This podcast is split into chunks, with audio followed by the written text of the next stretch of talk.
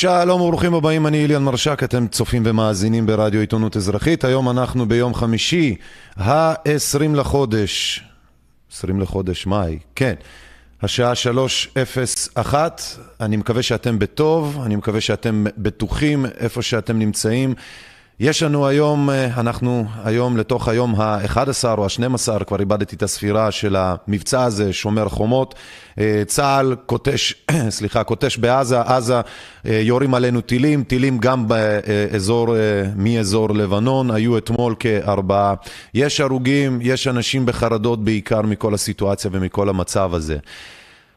אני מקווה שאתם בטוב, אני באמת מקווה שאתם בטוב. אז uh, היום, לכל האנשים שלא הולכים לשום מקום, לאנשים שנמצאים בבית, אני רוצה שאנחנו נדבר, uh, הכנו תוכנית ושני ראיונות שאנחנו נעשה היום, אחד עם פרופסור אסא כשר, ואחד עם uh, רמי רחמיאל מערוץ לאומנות. ביוטיוב על אירועי החודש האחרון. אסא כשר הוא ממנסחי רוח צה"ל והקוד האתי לניסויים בחיילים וממנסחי הקודים האתיים של עוד הרבה מאוד גופים ודברים אחרים. לפני זה אני רוצה להגיד תודה רבה לצוות שלנו שטרחו היום על התוכנית, המפיקה שלנו קרן, הסאונדמן שלנו איתמר, על הגרפיקה אורלי, על העריכה המוזיקלית גל שחר, וכמובן לכל שאר הצוות שלנו שנמצא מאחורי הקלעים, ולכל התומכים של עיתונות אזרחית. תודה רבה לכם, וגם אם אתם רוצים לסייע ולתמוך ולהצטרף לעשייה שלנו, אתם מוזמנים להיכנס לאתר האינטרנט שלנו, ie2020.net, ולכתוב לנו או לתרום לנו מה שתראו לנכון כדי שנתייעל. לכל ההתראות והעדכונים על שידורים, תכנים חדשים, אתם מוזמנים כבר עכשיו להיכנס לתוך האתר שלנו, ומצד ימין למטה ללחוץ על הפעמון האדום כדי לקבל את העדכונים וההתראות האלה. בנוסף, אתם גם מוזמנים לטלגרם שלנו. הטלגרם שלנו זה עיתונות אזרחית 2020, או IE2020net, בלי הנקודה, כדי שתוכלו לקבל שם את כל העדכונים, ואו למשוגעים לדבר, אתם יכולים להיכנס גם לדיונים שיש לנו בצ'אט של הדיונים בנושאים אקטואליים שונים. זה באמת למשוגעים לדבר. תראו, כשהכל התחיל בעניין משבר הקורונה בתחילת שנה שעברה, להרבה מאוד אנשים רגילים, מלח הארץ, כן? עלתה התחושה והתובנה שמשהו ממש לא בסדר הולך כאן. ושהמידע על כל מה שקורה הוא מסולף. הנתונים מכובסים, ובעיקר התחושה שאין על מי לסמוך שיגיד את האמת כמו שהיא. ונשאלת השאלה למה.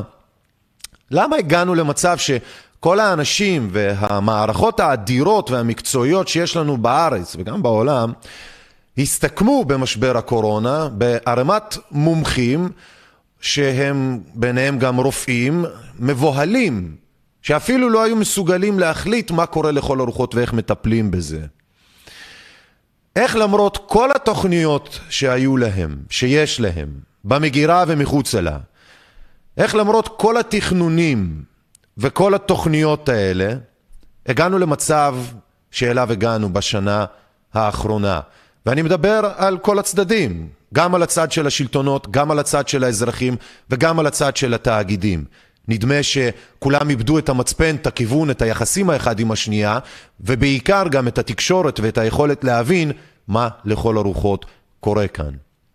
כאמור, היום אני רוצה שנדבר עם האדם שיכול לספר לנו, אולי גם להסביר לנו, על מה עובר בראש של אותם מנהיגי צבא, רפואה וממשל, כשהם רוצים לעשות כל מיני פעולות, ביניהם גם ניסויים, או להמציא המצאות שעוברות בצורך לנסות את זה על בני אדם, או סתם למצוא דרכים לשלוט יותר טוב באוכלוסיות שונות ומצבים שונים. מה עובר לאנשים כאלה בראש? בגדול, וגם לא בגדול, אלא בפרט, פרופסור אסא כשר היה בהרבה מההצטלבויות הדרכים הראשיות האלה של המדינה, וגם של האנשים המובילים אותה.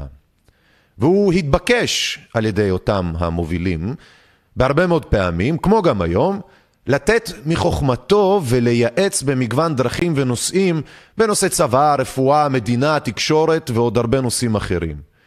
בייחוד כיום, ביושבו כחבר במועצת החירום הציבורית למשבר הקורונה. פרופסור אסא כשר בעיניי הוא דמות שקצת קונטרוברסלית, לא קצת, הרבה, שנויה במחלוקת. והסיבה שלדעתי אסא כשר זה דמות, אה, הוא אדם שנוי במחלוקת, זה כי מצד אחד הוא יושב על הגדר כמי שבאמת הוגה את הקודים האתיים לניסויים בבני אדם, סליחה, בחיילי צה"ל, שזה מן הסתם בבני אדם. הוא תופר, והוא כמו אותו חוט תפירה בין הרבה מאוד דברים שהרבה פעמים לא רוצים להיות מחוברים ביחד. כי יש הרבה מאוד מילים בעולם שלנו, כמו מוסר ואתיקה, ומה נכון לעשות או לא נכון. ויש הרבה מאוד עקרונות מסוימים וערכים מסוימים, שגם לעיתים סותרים האחד את השנייה. אז פרופסור אסא כשר נמצא במין צומת כזו, שמצד אחד הוא זה שכותב את הדברים להרבה מאוד ארגונים, והרבה ממה שאתם מכירים כיום, הוא היה חלק מהאנשים שניסחו את האיך עושים את הדברים האלה, בייחוד, שוב, ניסויים בחיילים ו/או בבני אדם. ולא רק שהוא היה שם, אלא גם הוא כתובת להרבה מאוד אנשים שרואים את זה בצורה אה, שלילית. וכשאני מתכוון לצורה שלילית, אני מתכוון לכך שבהיסטוריה שלנו היו הרבה מאוד ניסויים בבני אדם, אבל בעיקר גם בחיילים. כי עכשיו שאנחנו במבצע שומר חומות, עכשיו שאנחנו במבצע צבאי, שחיי החיילים הולכים קודם כל כדי, ראשונים בתור, כדי להגן על האזרחים שנמצאים אה, בעורף. ואותם החיילים ואותם הניסויים שנעשים בחיילים, הרבה פעמים מסתיימים כשערוריות גדולות מאוד בהיסטוריה. חלק מזה זה זונות שנשלחו להדביק חיילים במחלות מין, חיילים שקיבלו סמים קשים מבלי שידעו, חיילים שקיבלו תרופות אסורות לשימוש של בני אדם, שהם לקחו אותם בפקודה, כן? סמים ממריצים שנתנו לחיילים, לא רק לטייסים, אלא בכלל לחיילים, גם בגרמניה הנאצית, זה דבר ידוע. ההיסטוריה, כאמור, מלאה בניסויים ובדברים שבתכלס אנחנו רואים אותם כלא בסדר. אז פרופסור אסא כשר בחר לו באיזושהי צורה, אה, אה, הוא נולד למשפחה של אנשים אה, מלומדים, רבנים ואנשי אה, מדע. אה, ובואו ניתן רגע שני, שתי מילים. עיסוקו של אסא כשר באתיקה צבאית משך ביקורת ציבורית רבה. בעקבות כתבה שפורסמה ב-1997 בידיעות אחרונות, בה נטען כי אסא כשר מגן באופן בלתי ביקורתי על הממסד הצבאי. הוא הגיש תביעת דיבה נגד מי שצוטטו בכתבה. אה, הנתבעים טענו שדבריהם המהותיים הוצאו מהקשרם. בכל מקרה, לא, ללמדכם שהעניין פה, התפקיד הזה של להיות מישהו שהוא כותב את האיך לעשות את הדברים, אה, ובדקויות ש, ש, שיש שם, אה, הוא נמצא בדיוק על הפיבוט הזה, וזה לא מקום נחמד. ואני הייתי רוצה לדבר איתו כי... כמו שגל שלו, איגנורנט צ'ימפ שם, עשה את הריאיון עם פרופסור דן אריאלי, אה, שהוא בעצמו גם הוגה אה, כל מיני אה, טקטיקות וכל מיני פרקטיקות בכלכלה התנהגותית, והוא גם יועץ ומייעץ לכל מיני תאגידים וארגונים ממשלתיים ולאו. אז כך גם פה, במקרה הזה, פרופסור אסא כשר, גם הוא יושב על פיבוט. יושב כמי שהרבה פעמים אה, נותן את הדעות ואת האמירות שלו, אה, ולפיהם גם אנשים עושים וארגונים עושים את הדברים שהם עושים. אה, לא רק זה, הסתירה פה, שמצד אחד הוא באמת הוגה של הרבה מאוד קודים אתיים, מצד שני, עכשיו עם החיסונים הניסיוניים לילדים, כן, של הקורונה, הוא נמנע דווקא על הצד המתנגד.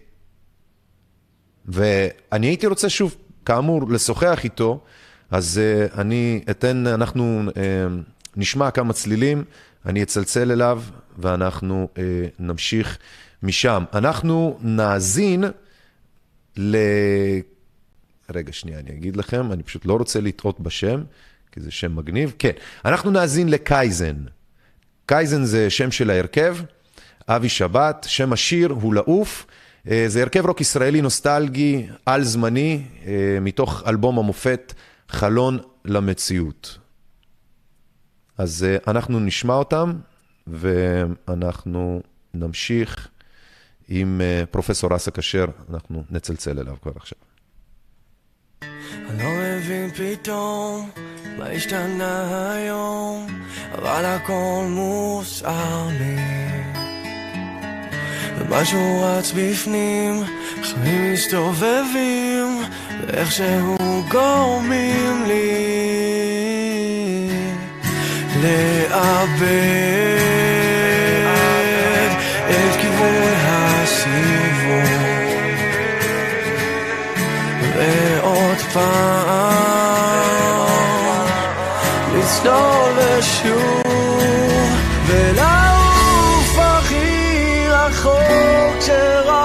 אפשר להתנתק מכל מה שמוכר אך בסוף לחזור אלייך ומשהו ביוותר איך שם מתעורר לעולם של פחד. וכאן הזיות לחיות זה לא הולך ביחד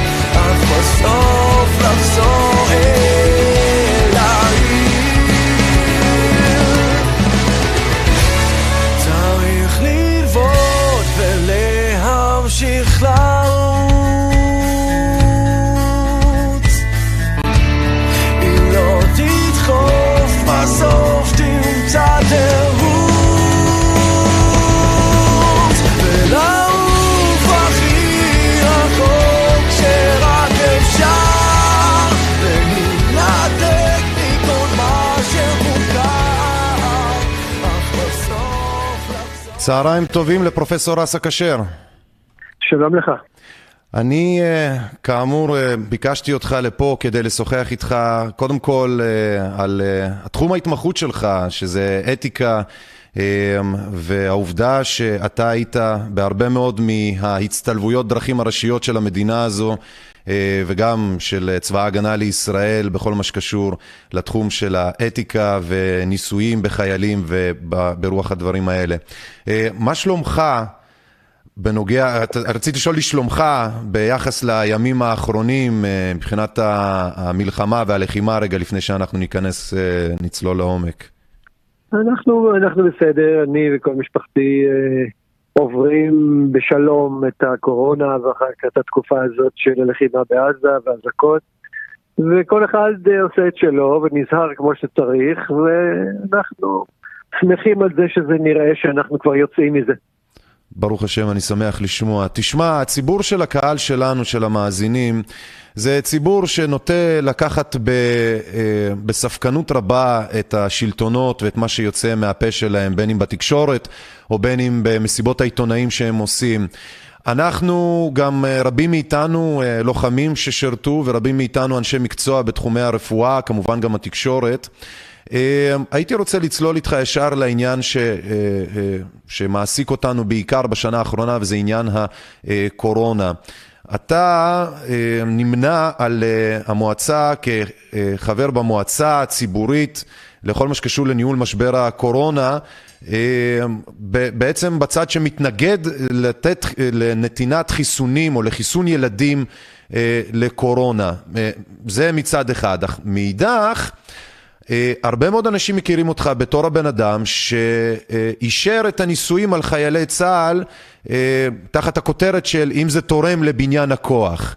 עכשיו, אוקיי, אני אתחיל ברשותך רגע, אני רק רוצה להבין, משפט השאלה היא זה, איך זה מתיישב הסתירה הזאת שבן אדם שמצד אחד הוא זה שפונים אליו השלטונות, כן? כדי שהוא זה שייתן את הקוד האתי, יכתוב ויעזור, ומצד שני הוא נמצא עכשיו, דווקא עכשיו, בתקופה ההיסטורית מאוד של המדינה ושל העולם, בצד שכביכול מבקש מהשלטונות לא לעשות משהו, אה, במקרה הזה חיסון לילדים. אה, איך אתה נמצא בשני צידי המתרס? אוקיי, okay, אני לא בשני צידי המתרס ואין פה שום סתירה ואני צריך uh, להבהיר כמה דברים לפני שנצלול uh, לשתי הסוגיות האלה ש, שהזכרת. א', אני, אני לא עובד בשביל אף אחד במובן הזה שאני לא מייצג את השלטונות ולא מייצג את האוניברסיטה שלי ואני לא מייצג אף אחד, אני מביע את דעותיי. וכשיש איזשהו גוף ישראלי שרוצה שאני אעזור לו, אה, בניסוח עקרונות לטיפול באיזושהי בעיה, אז העקרונות באים מהראש שלי והטיפול בא מהראש שלי, והגוף הזה ככל שירצה ייקח את זה, ואם לא ירצה לא ייקח את זה. אני לא בתחומי הכוח. אני בתחומי uh, הייעוץ המקצועי, הענייני, המוסרי. וזה נכון בכל התחומים. עסקתי ב-50 תחומים שונים. כמו שהזכרת את זה, בצמתים שונים של חיי הציבור, מדינה, ובכל מקום התנהגתי באותה צורה. עכשיו שתי הנקודות שהזכרת, קודם כל נסתכל על כל אחת מהן לחוד, ואחר כך נראה אם יש סתירה. אז uh, המועצה הזאת uh, היא מורכבת מרופאים ומדענים ואנשים uh, בעלי התמחות בתחומים של הטיפול הרפואי והמדעי אה, במגיפות כמו קורונה, ואני שם רק יושב על הכיסא הצדדי של להסתכל על ההיבטים האתיים, אתיקה רפואית ואתיקה מחקרית של העיסוק בכל השאלות האלה. Mm-hmm. אז כשאני מסתכל, אה, רוב הדברים שהמועצה הזאת מפרסמת הם אה, רפואיים, מדעיים, ואני... אין לי מה להגיד על זה, זה, זה לא המקצוע שלי. Mm-hmm. אבל כשיש איזה היבט אתי, אז אני מוסיף, מוסיף את המשפט שלי. אז אני רוצה להגיד על, אה, קודם כל אני רוצה להגיד לשם אה, להסיר כל ספק, אני חושב, וגם חברי המועצה חושבים, שצריך להתחסן. בן אדם מבוגר, בגילי ודאי, אני בקבוצת סיכון, חייב, חייב להתחסן, אבל גם בני אדם מבוגרים מוטב שיתחסנו, מוטב שכל אחד יקבל את שתי מנות uh, החיסון. אנחנו לא נגד חיסונים, אבל כשהתעורר העניין של uh, הסגר, כאילו השיטה הזאת של סגר, ועכשיו כשמתעורר העניין של, uh, של חיסון ילדים, אז שם באמת מתעוררות שאלות אתיות, ואז צריך להביע התנגדות. אני אדבר על הילדים. Mm-hmm. קודם כל, uh, יש איזו נקודה מאוד יסודית שלא, שלא נותנים לה את החשיבות הדרושה, והיא שההורים של ילד, שהם אמורים לאשר את החיסון או לא לאשר את החיסון שלו, mm-hmm. יכולים לקבל החלטות רק לטובת הילד. כלומר, הם אה, לא יכולים להשתמש בילד לאיזושהי מטרה, אפילו אם היא נראית להם חשובה וטובה. ההחלטה שלהם צריכה להיות לטובת הילד. לחסן אותו או לא לחסן אותו, השאלה היא האם חיסון הוא לטובתו או לא לטובתו. ועכשיו, במצב הנוכחי, אה, הנתונים מראים שאי אפשר להגיד על החיסון שהוא לטובת הילדים. הנימוק המרכזי שאנשים משמיעים אה, לטובת החיסון זה שזה עוזר בחיסון, בשמירה על המבוגרים. Mm. אבל אתה לא יכול אה, להשתמש בילדים בתור מגן על המבוגרים. אתה נותן, אתה נותן איזושהי החלטה בקשר לילדים, היא צריכה להיות לטובת הילדים.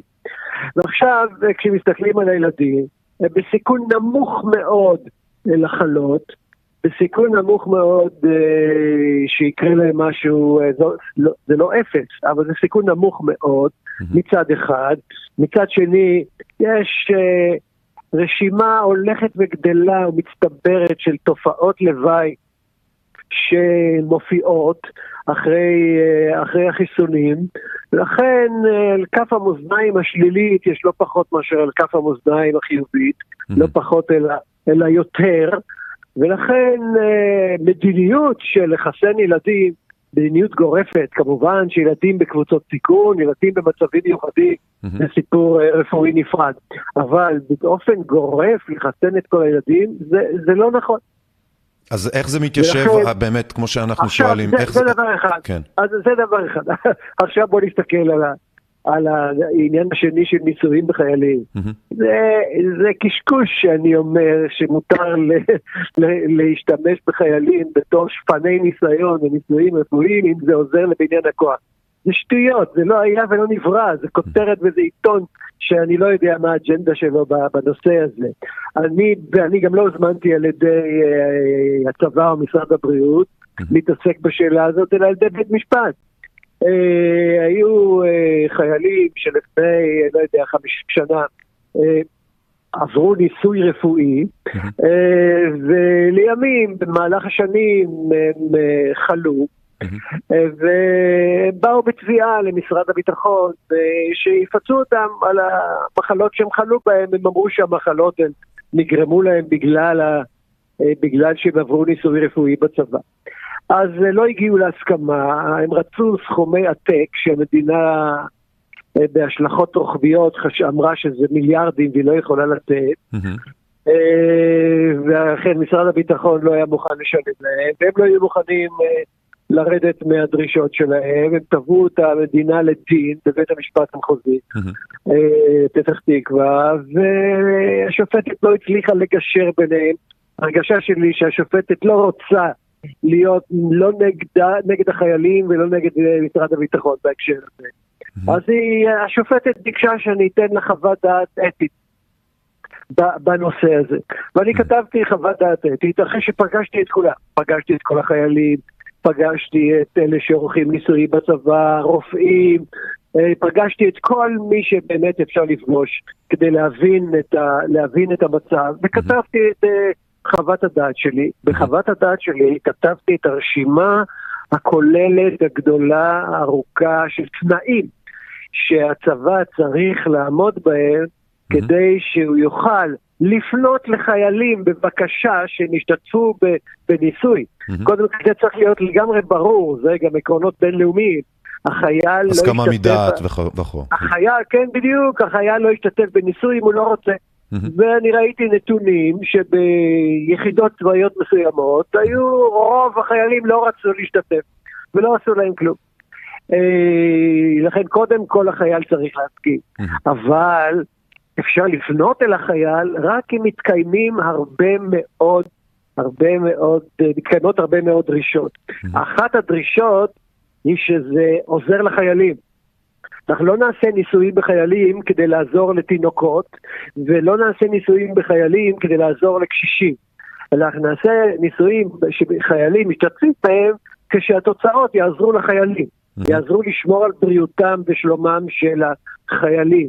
לכן תרומה לבניין הכוח זה לא תנאי מספיק, זה תנאי הכרחי. זאת אומרת, אם אין פה תרומה לש... לשמירה על חיי החיילים, אסור לעשות את זה. אם יש פה תרומה לשמירה על חיי החיילים, יש עוד 25 תנאים נוספים שצריך לעמוד בהם לפני שניגשים אל החייל. הבנתי, אז בוא נעשה רק בשביל המאזינים שלנו איזשהו תקציר כרגע. אני שאלתי אותך בעצם על הסתירה שאני רואה, על זה שמצד אחד אתה נמצא כחלק ממועצת החירום הציבורית אה, למשבר הקורונה, אה, בצד שבעצם מתנגד לחיסוני אה, ילדים לקורונה, ומאידך אתה מאלה ששוב עמדו בצמתים מאוד גדולות וחשובות בהיסטוריה וגם בשלטון של ישראל, צבא וכו'. ואתה בעצם דייקת או מדייק את הקודים האתיים שלפיהם אה, עושים את מה שעושים. עכשיו, אה, אתה אומר שאין פה סתירה כי פשוט הוציאו מהקשרם את, ה, את העניינים ואתה, מד. ואתה מדייק. אה, אותו חיים לוינזון בכתבה בהארץ אה, שפרסם ונתן ב-2012, קרא בעצם, אמר שאתה... אה, שאתה מכשיר אה, אה, את הניסויים בחיילי צה"ל בשם בניין הכוח או העם, ואתה כותב שלא היו דברים מעולם, זה סילוף של עמדתי בנושא. נכון, אז אוקיי, נכון. אז עד לפה, עד לפה אנחנו הבנו. אבל אז ת- כן. אני, אני יכול להסביר את זה עוד בעוד שני משפטים. קודם כל יש משהו משותף לעניין הזה של חיסון ילדים ולעניין של ניסויים בחיילים. כשאתה עושה, כשאתה מקבל החלטה בקשר למישהו, זה צריך להיות לטובתו. אז חיסון ילדים זה צריך להיות לטובת הילדים, זה לא כדי להגן על המבוגרים. וניסויים בחיילים צריכים להיות לטובת החיילים, ולא לשום מטרה אחרת בעולם, גם לא לש... למטרות שנראות חיוביות וטובות. תראה, אנשים עכשיו, מסכימים אני... איתך, אנשים מסכימים אוקיי, איתך, עכשיו, אבל אתה... אוקיי, אחד. בבקשה. עוד, עוד, עוד משפט אחד. אני, אני, הדרישה שזה תורם לבניין הכוח היא תנאי הכרחי. זאת אומרת, אתה חייב לעמוד בדרישה הזאת לפני שאתה ניגש לחייל. זה לא תנאי מספיק, זאת אומרת תנאי שאם אתה עומד בו, אז מותר לך לגשת לחייל. לא, אם אתה עומד בו, אתה צריך לעמוד בעוד 25 תנאים אחרים, ואז לגשת לחייל. אבל אם אתה לא עומד בו, אז אסור לך לגשת לחייל. זה ההבדל בין בגלל לבשביל, כאילו. אז אתה, לכן חיים לוינזון, אני לא רוצה להגיד שהוא שקרן, אבל הוא תיאר את העניין כולו בצורה לגמרי מסולפת. אני מבין. למטרות, אה, הוא היה אז כתבנו לענייני שטחים. אז הוא רצה הזדמנות לנגח אותי בענייני שטחים, אין לי מושג למה. אני מבין. בוא ברשותך רגע, יש פה אה, מאקו, כן, של אה, חברת קשת.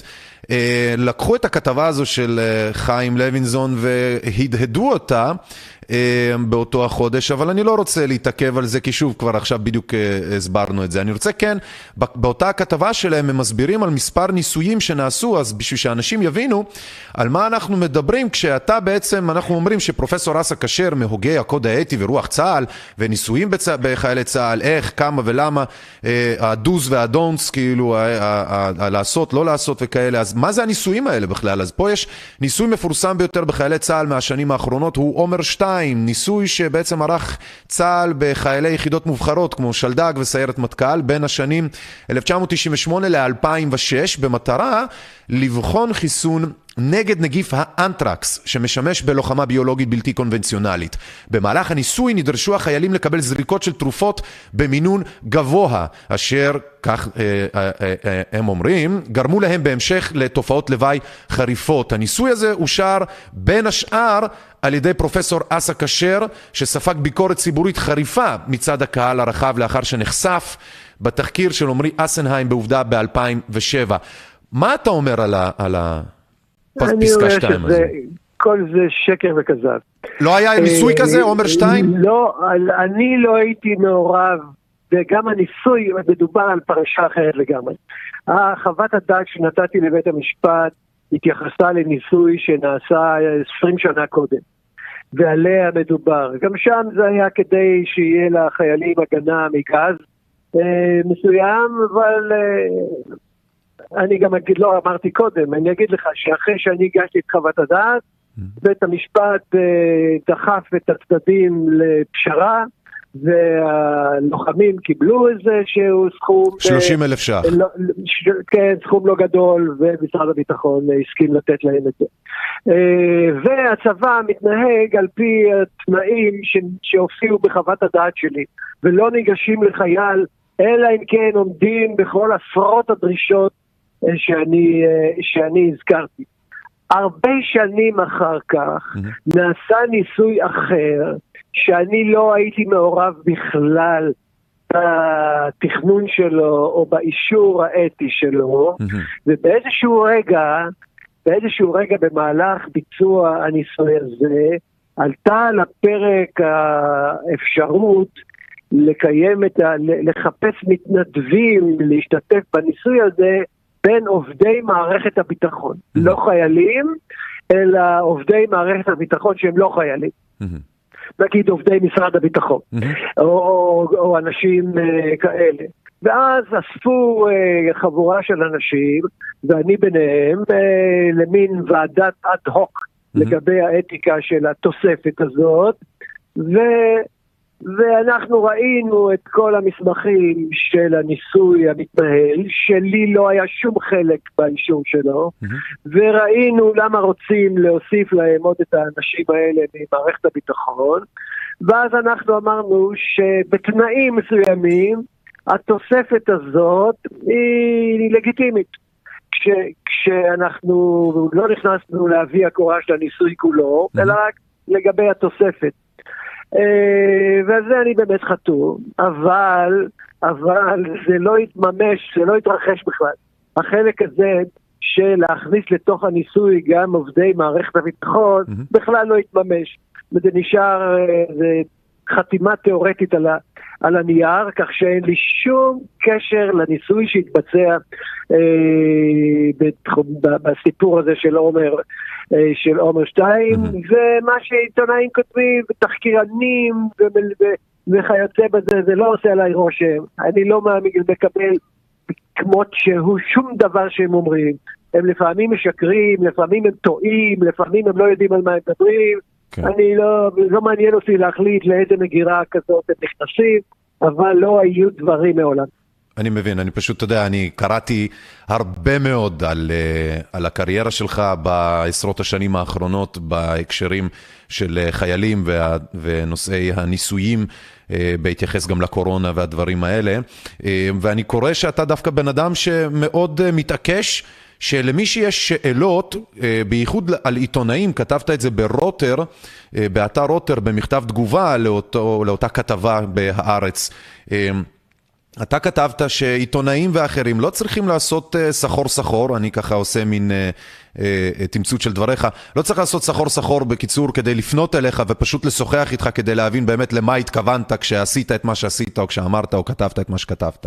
אז אה, לכן אני אה, מרגיש חופשי בשיחה שלנו להפנות אליך באמת את הדברים האלה שאותם אנשים אה, אה, כתבו עליך, אך מסתבר לפי מה שאתה אומר בכלל לא פנו אליך לפני כן, אז לכן אנחנו אין- מבררים אין את שום זה. בעיה.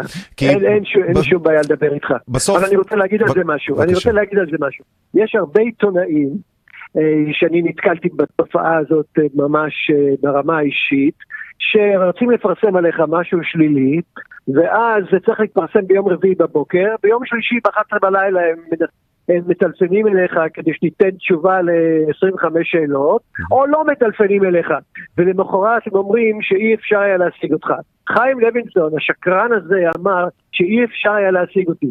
אני באותם הימים, יום לפני הפרסום, יום, יומיים לפני הפרסום, הייתי בטלפון שלי עם עשרות רבות של אנשים. אין דבר כזה שהוא לא יכול היה להשיג אותי. הוא לא ניסה להשיג אותי כדי שיוכל לפרסם את הכתבה שלו עם, עם הכותרות השקריות שלה, ואני, אחרי שהתפרסמה, אז אני מכיר את עמוס שוקן, המו"ל של הארץ, ואני לא מתעסק עם עיתונאים בכלל, ודיברתי עם עמוס שוקן, ואמרתי לו, לא היו דברים מעולם, ואני שולח לך עכשיו את חוות הדעת שאני נתתי לשופטת בבית המשפט, ואתה תראה שזה לא נכון, בבקשה להכחיש את זה מיד, ואז הם תכף הוסיפו בכותרת המשנה של הידיעה שאני מכחיש את זה מכל וכל. אני מבין. בוא אני אקריא איזשהו משהו ברשותך, ב, אה, על, אה, בנוגע לחוויה של אה, מישהו אה, מהניסויים האלה של החיילי צה"ל, של עומר 2, הוא אה, מצוטט כאומר כך, כן? שוב, תזכרו, כמו שכולנו יודעים, אנחנו לוקחים את כל מה שנאמר בעיתונות בקורטוב גדול מאוד של מלח ובספקנות רבה, ובשביל זה אתה פה, כדי שנברר באמת את הדברים לאשורם, כי זה מאוד מעניין את הציבור שלנו. כיום במרחק של עשור מאז הניסוי, ובמחשבה בוגרת יותר, אני מבין שניצלו את התמימות שלנו, אומר החייל. אמרו לנו שהחיסון כבר נוסה בהצלחה בחוץ לארץ, ואז, כשאתה חודשים ספורים בצבא וכחייל עם הרבה מוטיבציה, אתה מאמין למערכת הצבאית. ואז הכניסו את כולנו לחדר אחד והסבירו לנו על החיסון.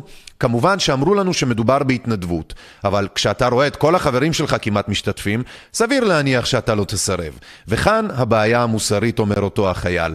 מה אתה אומר על זה, ובהקשר ה- על החיסון לילדים, בהצדקות שאנשים מספרים לעצמם, אה, בנסותם אה, בעצם אה, לחסן את הילדים בחיסון לקורונה? כי אני רואה פה קורלציה מסוימת. אוקיי. קודם כל, אנחנו לא המצאנו את החיסון הזה שבו דובר ושרצו לנסות אותו, מפני שהוא קיים בעולם. אבל אנחנו רצינו להיות מסוגלים לייצר אותו בעצמנו. אנחנו מדברים על לא החיילים, על הניסוי על החיילים. כן, כן. על החיילים. אנחנו רצינו להיות, אה, וזה נראה לי רצון מוצדק. רצון נכון של המדינה, להיות מסוגלת לייצר את אמצעי ההגנה האלה בעצמה. ולא כשהיא צריכה להתחיל לפנות למישהו שיעשה לה טובה וימכור להם. אה, לכן עצם הרעיון שיש דבר כזה באיזשהו מקום בעולם, אבל אנחנו עכשיו רוצים אה, לייצר את זה קצת אחרת פה אצלנו, זה נראה לי רעיון נכון, והוא עומד במבחנים האתיים. זה מוצדק לנסות לייצר את זה, ומוצדק לעשות על זה ניסויים. אבל לקיים את הניסויים האלה עם חיילים, צריך לעמוד בהרבה דרישות. קודם כל, אלה לא יכולים להיות חיילים חדשים. זה לא יכול להיות חייל שאתמול התגייס, או שלפני שלושה חודשים התגייס. זה חייל שכבר צריך לדעת שבמצבים מסוימים הוא יכול להגיד למפקד שלו אה, שאומנם זה נראה נורא נחמד וחשוב להתנדב, אבל אתה לא מתנדב כי אתה לא רוצה. שנית, ומבלי לסבול שום סנקציה. מבלי לסבול בגלל זה. זה חלק מהדרישה, שלא יהיו שום סנקציות.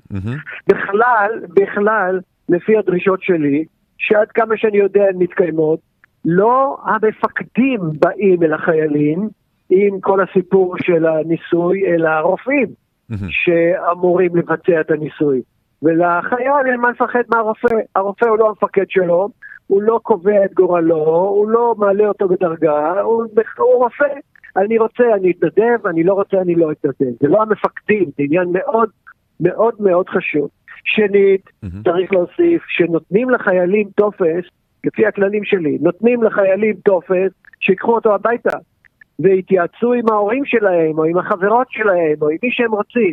אם להתנדב או לא להתנדב. Mm-hmm. זה לא אומרים לו עכשיו הנה הטופס, תחתום, חמש דקות צריך לחשוב, תחתום. לא, תיקח את זה הביתה בסוף השבוע, תדון בזה עם מי שאתה רוצה, ובסוף אם אתה רוצה טוב, אתה לא רוצה גם כטוב. Mm-hmm. וכאמור, כמו שאמרתי לך כבר קודם, יש נתונים על uh, יחידות בכל מיני חילות, שבהם 60% לא התנדבו, 60% אמרו לא רוצים. מה שמראה שזה לא לחץ חברתי, תראה, פרופסור כשר. בראי הקורונה, כל מה שאתה אומר עף מהחלון, כי זה לגמרי הפוך, זה מרחק של שמיים וארץ בין, בין מה שאתה אומר כפי שאתה אומר את הדברים עכשיו, כפי שהם אמורים להיות, כפי שהתכוונת שהם יהיו, כפי שגם אתה אומר שהם מתבצעים בהרבה מהמקרים, אבל בראי הקורונה, בייחוד בצבא, עם עניין החיסונים וההסכמה מדעת נקרא לזה, או נקרא לזה אה, ניקיון אה, כפיהם של אלה שניגשים לחיילים אה, כדי שיקחו את החיסון. זה לגמרי שיטת בשר נע כזה, פס יצור, בלי קשר בכלל לכל שום כלום של קוד אתי. יש מה שנקרא את רוח התקופה, זייטגייסט, שברצותו של המפקד, כן, החיילים שלו יעשו כמו שהוא אומר, או ברצותו לא יעשו כמו שהוא רוצה וזה, כן. זאת אומרת, מה, אתה לא רואה את הפעם... הנה מה שיש לי להגיד, הנה מה שיש לי להגיד על זה. אם המפקדים הם אלה שניהלו את החיסון של החיילים ביחידות שלהם, זה דבר פסול ואסור היה לעשות את זה. רגע, אתה אומר אם, צריך... אתה לא יודע? אני, אני, אני לא יודע, אני, אתה, אני לא יודע כי אני לא סומך על תקשורת ועיתונים ושמועות. אני, כדי לדעת אני צריך באמת לדעת. אז אני, לכן אני אומר אם. Mm-hmm. אם המפקדים הם אלה שטיפלו בזה, זה פסול, היה צריך לטפל בזה סגל רפואי של חיל הרפואה. שאין לו שום יחס פיקודי לחיילים האלה. פרופסור כשר, הם כולם, אני מקבל הרבה מאוד דיווחים מהרבה חיילים בשטח, בייחוד בגלל שאני קרוב יותר לגיל שלהם ולתפיסת העולם ול... לא יודע, okay. אוקיי. לחבר'ה שלהם, והם כותבים לי ואומרים לי שמופעל עליהם ומפעילים עליהם והפעילו עליהם לחצים ישירים, אין שום קשר אפילו לדרך שבה אתה אומר שצריך לעשות, וזה מצער מאוד שהתאמצת כל כך ואף אחד בשטח בסופו של דבר לא סופר את זה. אז זה פסול לחלוטין. אתה מבין למה בעצם לחלוטין. אנשים מקשרים אותך לכאילו זדוניות שבזה? אנשים, אנשים יכולים לחשוב מה שהם רוצים, זה לא כל כך מעניין אותי מה אנשים חושבים. לגופו של העניין, אני חושב שחיסון זה טיפול רפואי, טיפול רפואי נותנים רק בתנאים של הסכמה מדעת, ההסכמה מדעת הזאת צריכה להיות באמת הסכמה, ולכן מי שמבקש אותה ומקבל אותה זה לא המפקד, אלא הסגל רפואי, רופא או פרמדיק או אחות או משהו כזה שאין להם שום קשר פיקודי אל החייל, ואם זה לא מתנהל ככה, זה לא מתנהל כמו שצריך. אני מבין אותך. אני רוצה לתת לך ציטוט, שני משפטים, ובוא ניקח את זה משם. צבא שנלחם כל הזמן הוא צבא שיש לו הרבה אירועים בעלי משמעות אתית, אבל אין לו יותר מדי זמן לתהליכים ממושכים של הטמעת ערכים. מי אמר את זה? אני אמרתי את זה, ואני חושב שזה נכון, mm-hmm. מפני שאם אתה כל הזמן עסוק בפעילות מבצעית, אז אין לך זמן, אתה יודע, לסדנה חינוכית ולהרצאות על ערכים ולדברים כאלה, אתה צריך לעשות את הכל מהר בתוך כדי הפעילות המבצעית. אז, זה נכון. אז אולי פה באמת אבל, הבעיה אבל, המובנית. אבל אנחנו לא נמצאים בצבא שכל הזמן, כל החיילים מתעסקים בפעילות מבצעית, יש אה, תקופות אימונים, יש תקופות שגרה, יש תקופות שבהן החיילים יכולים לעבור פעילות uh, הטמעה חינוכית, ואני יודע על הרבה מאוד uh, חיילים שעוברים פעולות כאלה, כי משתפים אותי בהן. אני מבין.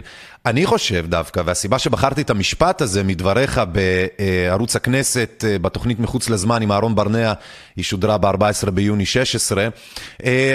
אני אגיד לך, כשאני שמעתי אותך אומר את הדברים האלה, ובייחוד עכשיו, בקונטקסט של השיחה שלנו, אני מנסה להבין, האם אתה רואה פער ואיפה? אני רוצה שאתה תגיד לי, כי אני משוכנע שעם כל הידע והיכולות שלך, אתה בטוח רואה את הפער בין מה שאתה אמרת שכך צריך לנהוג. אתה כתבת את רוח צה"ל, אתה כתבת חלק, חלקים נכבדים מאוד מהמתודות האתיות והמוסריות, האתיות יותר נאמר, שבהם פועלים ארגונים בארץ והשלטונות. מה הפער ואיפה הפער? בין מה שאתה okay. אוקיי. כותב לבין איך שמיישמים את זה. שוב, בהיבט של חילוט, okay. אה, ניסויים על אנשים okay. וכו'. אוקיי, אוקיי.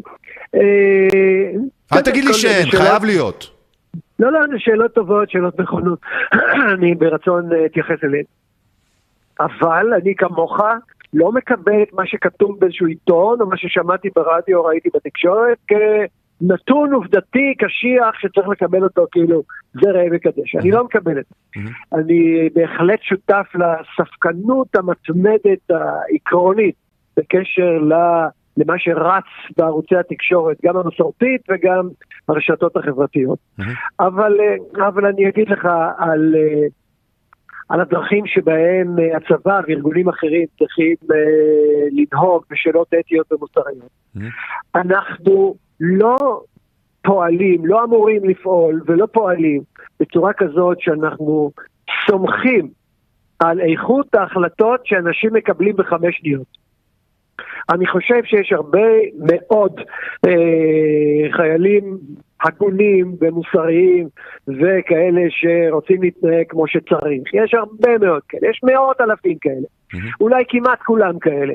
אבל אי אפשר לסמוך על איכות ההחלטה של בן אדם בחמש שניות. Mm-hmm. כי הוא מסוגל לטעות בקשר לעובדות, לטעות בקשר לפירושים, לטעות בקשר לפתרון הכי טוב של הבעיה שהוא נתקל בה. לכן אנחנו מארגנים מראש את צורת ההתנהגות של החיילים ומלמדים אותם להתנהג לפי הצורה המאורגנת הזאת ככה שבבוא אותן חמש שניות, אז הוא לא פותר עכשיו את הבעיה בעצמו, אלא הוא אה, יודע איך לימדו אותו להתנהג במצבים כאלה, והוא מתנהג על פי, על פי אה, השיטה.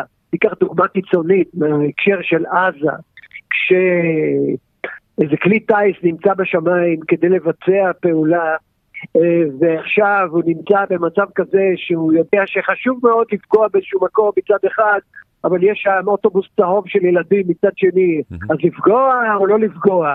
אז אני חושב שהטייסים הם אנשים הגונים ומוסריים, אבל אנחנו לא מפקידים את התשובה בידיים שלהם לחמש השניות שיש לו לחשוב, אלא אנחנו את כל השיטה שבה הם עובדים ובה הם פועלים, אנחנו נותנים להם אותה מן המוכן, כך שבחמש השניות האלה הוא לא מחליט בעצמו על שאלות קשות, הוא רק מבצע את הפרוטוקולים שהוא למד לבצע אותם בהרבה מאוד שעות של למידה ואימונים אה, ו- וניסיון.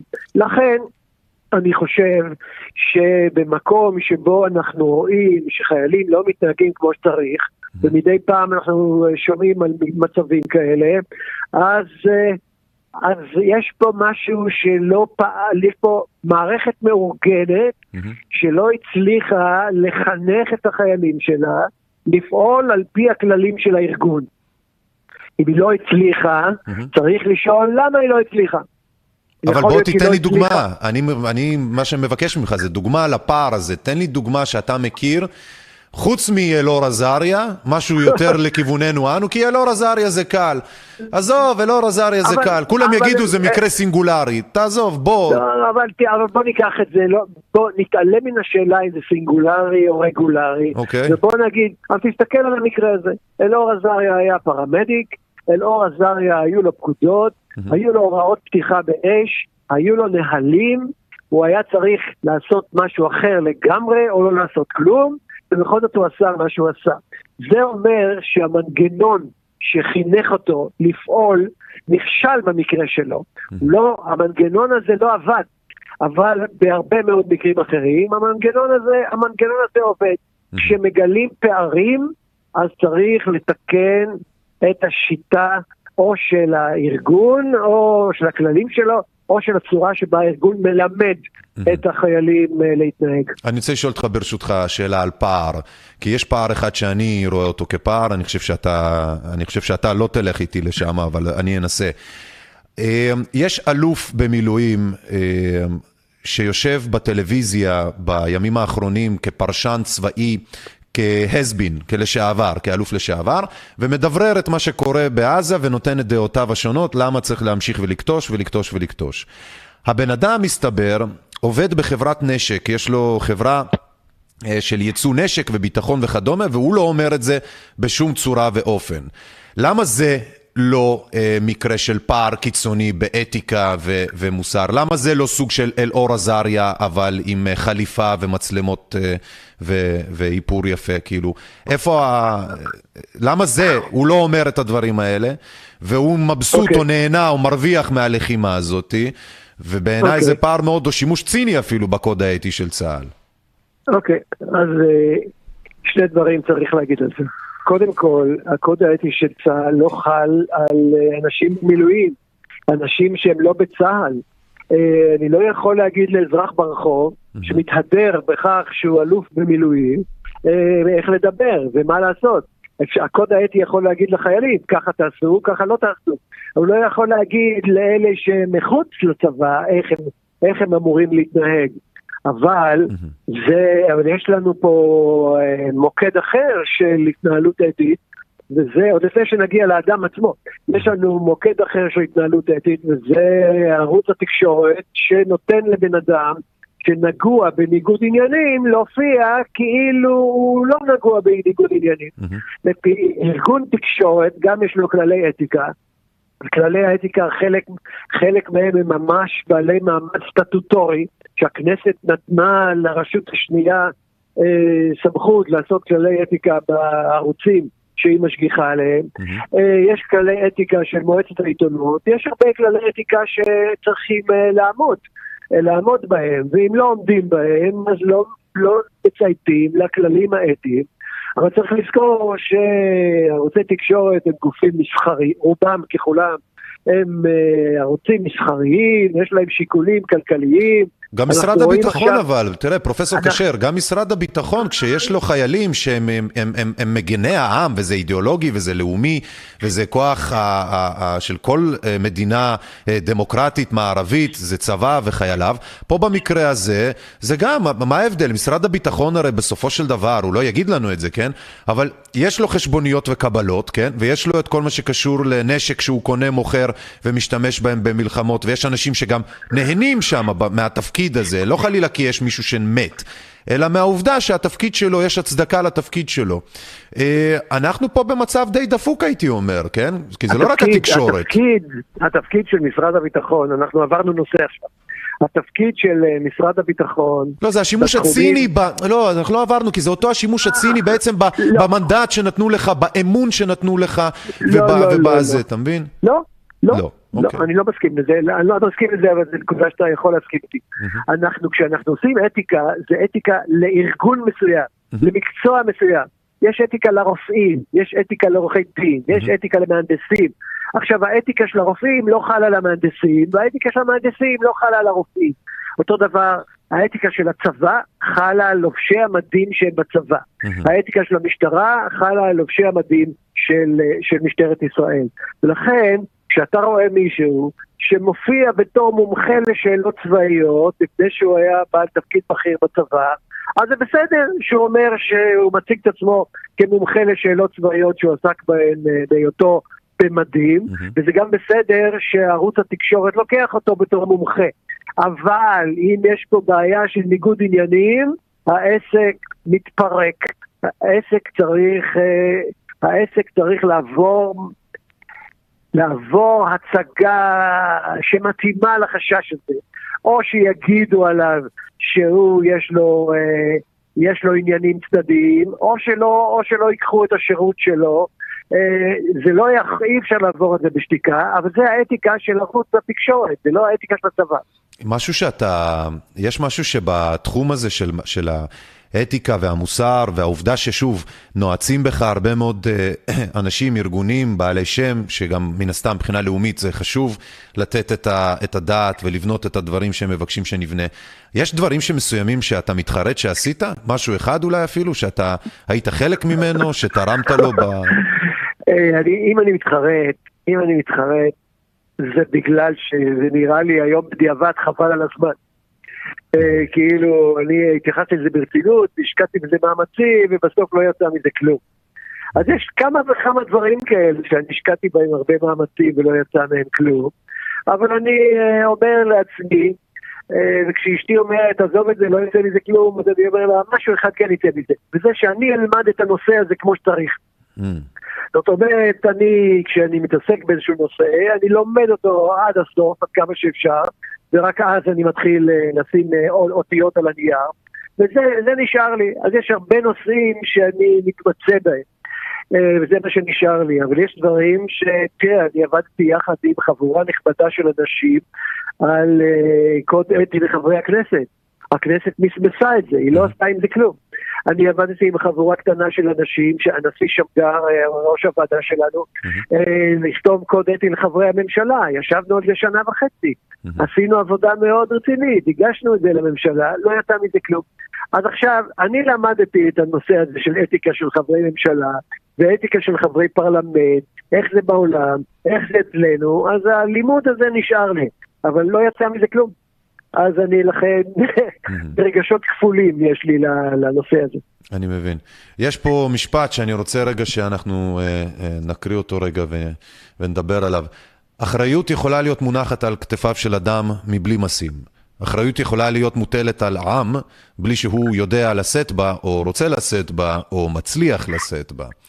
אתה אחר כך ממשיך וכותב שבני העם היהודי במדינת ישראל היא מורכבת, אין כאן מקום להעריך בזה, תהא תמונה אשר... אה, אה, ואין כאן מקום להעריך בזה, תהא תמונה זו אשר תהא על קשת צבאיה. אני רוצה לשאול אותך רגע, האחריות הזאת, כן? שאנשים מונחים, האחריות הזו מונחת על כתפיהם והם לא מודעים.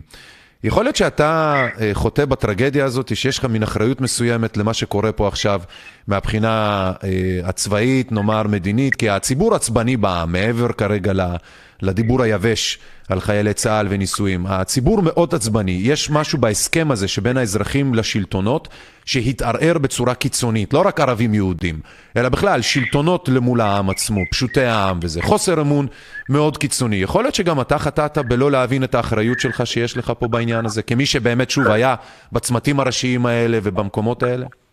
תראה, אז למה, למה הייתי בצמתים האלה? הרי יכולתי להיות פרופסור שקט באוניברסיטה, ולכתוב את המאמרים ואת הספרים שלי, ולא לטבול את ידיי בשום אה, גיגית של מים רותחים ציבוריים, ותמיד, לא משנה מה אתה תעשה באופן ציבורי, יתקפו אותך מכל הצדדים.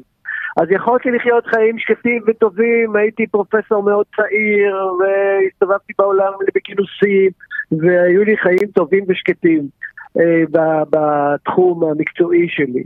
אבל דווקא בגלל מה שאתה אה, מצטט, אני אזרח של מדינה צעירה. מדינת ישראל היא בת 70 וכמה, זה נקרא מדינה צעירה. היא מדינה שעוד לא התבשלה, היא עוד לא הגיעה לבגרות, היא עוד, יש לה הרבה מאוד תחומים שבהם לא, היא לא חשבה איך הם צריכים להתנהל כמו שצריך. ושם אני נכנס.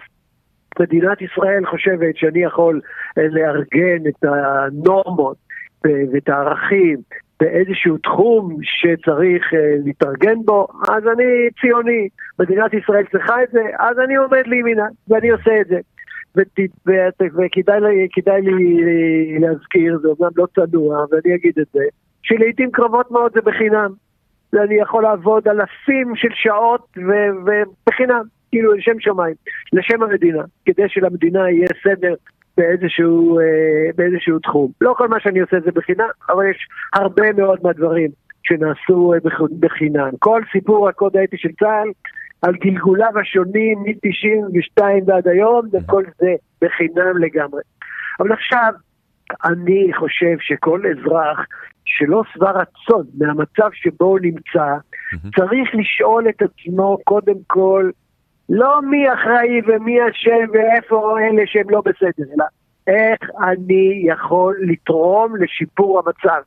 זה כמובן שכל אזרח בפני עצמו הוא חלש מדי כדי שיוכל לשנות את התמונה הגדולה, mm-hmm. הכללית. אבל משהו יכול לעזור לשנות. ואני חושב שיש פה מאות אלפי אנשים טובים ששואלים את עצמם את השאלה הזאת, ונותנים לה תשובה בכל מיני פעילויות חברתיות, עמותות, גמ"חים, כל מיני דברים שאנשים עושים ושהם דברים טובים, mm-hmm. משפרים את המציאות. אז אני, התחום שבו אני יכול לעזור, זה תחום האתיקה והמוסר, ואת זה אני עושה בלי הפסק, באינטנסיביות גדולה. אתה ציינת את המילה ציונות, ואני יודע שאתה מגיע ממשפחה של אה, רבנים, ממשפחה של אנשים שעסקו אה, בהגות, שעסקו בפילוסופיה, שעסקו בדברים, באיזוטריה ובדברים החשובים בחיים.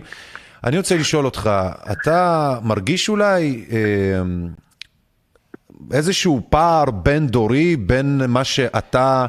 אה, גדלת אליו והגית אה, למה שקורה היום, שנוצר איזשהו פער, נתק בין דורי, שהיום אנחנו מדברים שפה אחת או מבקשים לחדש שפה מסוימת שאולי אתה ובני הדור שלך אה, כבר לא מדברים, ולכן יש מרד מסוים? אני לא רוצה לדבר במונחים של נתק. בוודאי אין נתק. אין נתק בין, בין הדורות. אה, אין נתק ביני לבין אה, הדור שבא אחריי והדור שבא אחריו. אנחנו כולנו, אה, נשתמש במטאפורה הזאת, משפחה אחת גדולה. אין נתקים בתוך המשפחה הזאת, אבל יש פערים גדולים. תחומים, חלק תחומים טבעיים וחלק תחומים מלאכותיים ולא, ולא טובים. Mm-hmm. יש הבדלים טבעיים אני הייתי כבר ילד בן, בן כמה שנים כשמדינת ישראל קמה. זאת אני זוכר שלא הייתה מדינת ישראל. אני זוכר את השמחה האדירה של ההקמה של המדינה. אני זוכר את כל המלחמות. כן, בעיניי מדינת ישראל היא הישג אדיר, הישג ציוני אדיר, והוא יקר לליבי. Mm-hmm. אני שמעתי את הפעם הראשונה שבה ניגנו את התקווה, בטקס של ההכרזה על הקמת המדינה, עד היום, כשאני שומע את התקווה, אני נזכר באותו טקס, וזה מרגש אותי. Mm-hmm. את הילדים שלי זה לא מרגש, mm-hmm. את הנכדים שלי זה בטח לא מרגש. כן, חיים בתוך מדינה עצמאית, חזקה, אה, מורכבת, והם שמעו את התקווה כבר אה, מאות פעמים. בלי להתרגש. אז זה הנתק במידה הבדל, מסוימת זה, גם. לא, לא, זה לא נתק, זה הבדל טבעי. Mm-hmm. אתה צריך לסמוך עליו, אתה צריך לסמוך עליו.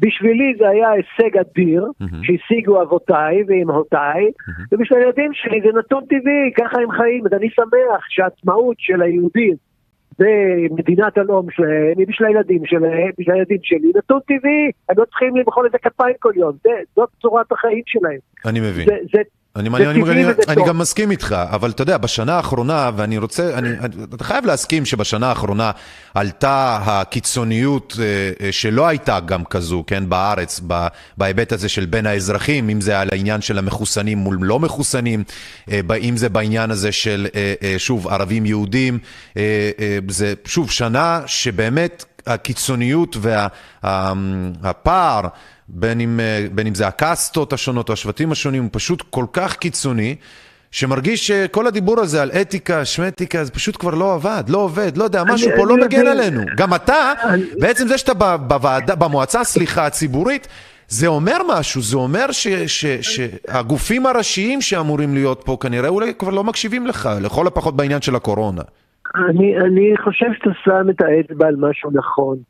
במשך עשרות, בש... העשרות הראשונות של השנים של המדינה, ההרגשה שלי, כבר לא הייתי ילד, כבר הייתי בן אדם שעמד על דעתו, ההרגשה שלי הייתה שהמדינה הולכת ומשתפרת בפרופיל הדמוקרטיה שלה. זאת אומרת, היא נעשית מדינה יותר מסודרת, יותר שמירה על הזכויות של האזרחים, יותר, יותר אתיקה בארגונים ממלכתיים. אה, אבל מרגע מסוים ואילך, אני חושב שהפרופיל הזה הולך ויורד. אנחנו עכשיו בפרופיל נמוך מאוד של אה, ניהול מדינה בצורה דמוקרטית. אה, אני לא רוצה להיכנס לאבי התורה הפוליטית, אבל אני רק אדבר ככה בצורה חיצונית, כאילו. מה זה, מדינה, מדינה בחמש מערכות בחירות תוך תקופה כל כך קצרה? בבקשה. מדינה שש, ששנים אין לה תקציב? מה זה? אה, מדינה עם ראש ממשלה חליפי וראש ממשלה ראשון? ההסדרים, מדינה שמשנה את החוקים שלה, את חוקי היסוד שלה, כאילו זה תפאורות על במה של תיאטרון, לפי הנוחיות של אנשים. הפרופיל הדמוקרטי הוא בירידה עצומה. ומה שמעצים את זה, זה הרשתות החברתיות.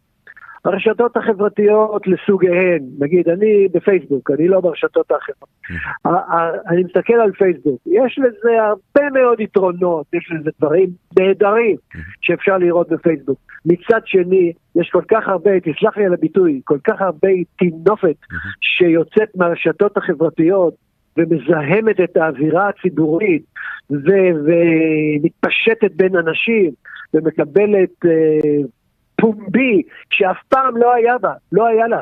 פעם היו לנו מסננות ו- וביטויים uh, איומים ונוראים מבחינה uh, מוסרית, לא היו מגיעים אלינו בכלל, אי אפשר היה להגיע אלינו בלי לעבור, בלי המסננות האלה, והמסננות לא נתנו לזה לעבור. היום אין מסננות, הכל עובר, כל אחד יכול לכתוב ב- ב- ברשת החברתית שבה הוא מתפקד מה שהוא רוצה. Mm-hmm. והזוהמה הזאת מתפשטת, מלכלכת את חיינו. פה יש באמת נתק. פה זה נתק. Mm-hmm. אני, אני רוצה להיות מנותק מכל הזוהמה שנשפכת מהרשתות החברתיות בשנים האחרונות. היא איומה ונוראה, היא מורידה את הרמה של המדינה, היא מפריעה לה להשתפר, ועוד לא מצאנו את הכלים להיאבק בה. פרופסור כשר, שאלה אחרונה ברשותך. רוויזיוניזם זה שוב, זה משהו שדורש מאיתנו להסתכל מחדש בכל פעם, בכל uh, כמה זמן, על, uh, על הסביבה שלנו, על מעשינו, ולראות איך אנחנו יכולים להשתפר ולעשות יותר טוב. הייתי רוצה, uh, בתור אדם שברוך השם, אתה כבר לא ילד, uh, אתה בן 80, ראית כבר את, ה, את, ה, את העולם, אתה רואה מה קורה פה. תיתן לנו, לאנשים הפשוטים, לא בצורה מתנשאת פילוסופית, אה, נקרא לזה בגסות אני אומר, בלי אה, פלצנות, כן? איך אנחנו יכולים אה, לעשות יותר טוב לעצמנו okay. אוקיי. או לסביבה שלנו בהינתן עכשיו עם הקורונה, ניסויים, חיסונים, פחד נוראי בין בני okay. אוקיי. אדם? אני, אני רוצה לתת, לתת לך תשובה על השאלה הזאת, היא נראית לי שאלה חשובה מאוד, ואני לא, אני, אני לא רוצה ל... אני לא רוצה לתת עליה תשובה מעורפלת, אני רוצה לתת עליה תשובה מעשית וחדה ככל האפשר. היא לא תהיה מלאה, אבל היא תהיה מעשית אה, וחדה. כשהמדינה קמה, החזון של מקימיה, גם אה, הרצל אה, לפני שהמדינה קמה, גם בן גוריון אחרי שהמדינה קמה, הם לא הסתפקו בזה שתהיה מדינה. הם רצו מדינה שיש לה חברת מופת. הם רצו להיות הכי בסדר שאפשר. הם רצו להיות כאלה שאם מישהו רוצה לדעת איך עושים את זה כמו שצריך, אז הוא מסתכל, סליחה, מסתכל על מדינת ישראל ושם הוא רואה את זה נעשה כמו שצריך. אז אני חושב שיש כמה וכמה תחומים שבהם אנחנו יכולים להסתכל על עצמנו כעל מדינה ברמה גבוהה מאוד, נגיד בין החמש הכי טובות בעולם, אבל יש עוד הרבה תחומים שבהם אנחנו לא ברמה הכי גבוהה, אבל אנחנו יכולים להיות, אם נרצה. לכן אני אומר לאזרח, לכל אזרח, בלי יוצא מן הכלל, תבחר לך תחום בין אם המקום שאתה עובד בו, בין אם התחביבים שלך, בין אם הפעילות החברתית שלך, תיקח לך תחום שבו אתה ואחרים תפעלו לזה שהפעילות שלנו בתחום הזה תהיה למופת. מהמם. תהיה הכי טובה, היא הכי טובה בעולם, זה קשה, כי זה גם כסף וזמן ומאמצים, אבל נגיד בין הכי טובות בעולם. ההייטק שלנו הוא בין הכי טובים בעולם, הרפואה שלנו היא בין הכי טובות בעולם, יש לנו, יש לנו אה, מדע טוב מאוד, טוב, בין הטובים בעולם, כי שזה לא תלוי בכסף. אז אנחנו, יש, יש תחומים שבהם אנחנו כבר שם, יש עוד הרבה תחומים שאנחנו יכולים להיות שם, ותחפש את התחום שמתאים לך, שאתה אוהב אותו, שאתה מוכן לפעול בו, ואתה תעזור בזה לעצמך ולחברה ולישראל להיות מדינת מופת. עם הטון האופטימי הזה, אני רוצה שוב להגיד לך תודה רבה, פרופסור. אסא כשר, על שטרחת ודיברת איתנו. אה, ועד הפעם הבאה, אנחנו נשתמע. תודה רבה לך, פרופסור. מאה אחוז, היה לי נעים מאוד, תודה. תודה לך. כל טוב, כל טוב. אז אה, חברים יקרים, אתם שמעתם את אה, פרופסור אסא כשר, אנחנו יכולנו להמשיך ולדבר עוד הרבה, ואני מודה שאני בעצמי סוג של אמביוולנטי, כאמור, כמו שאמרתי, אה, לגבי האישיות והדמות, כי מצד אחד הוא היה בהרבה מאוד מקומות חשובים.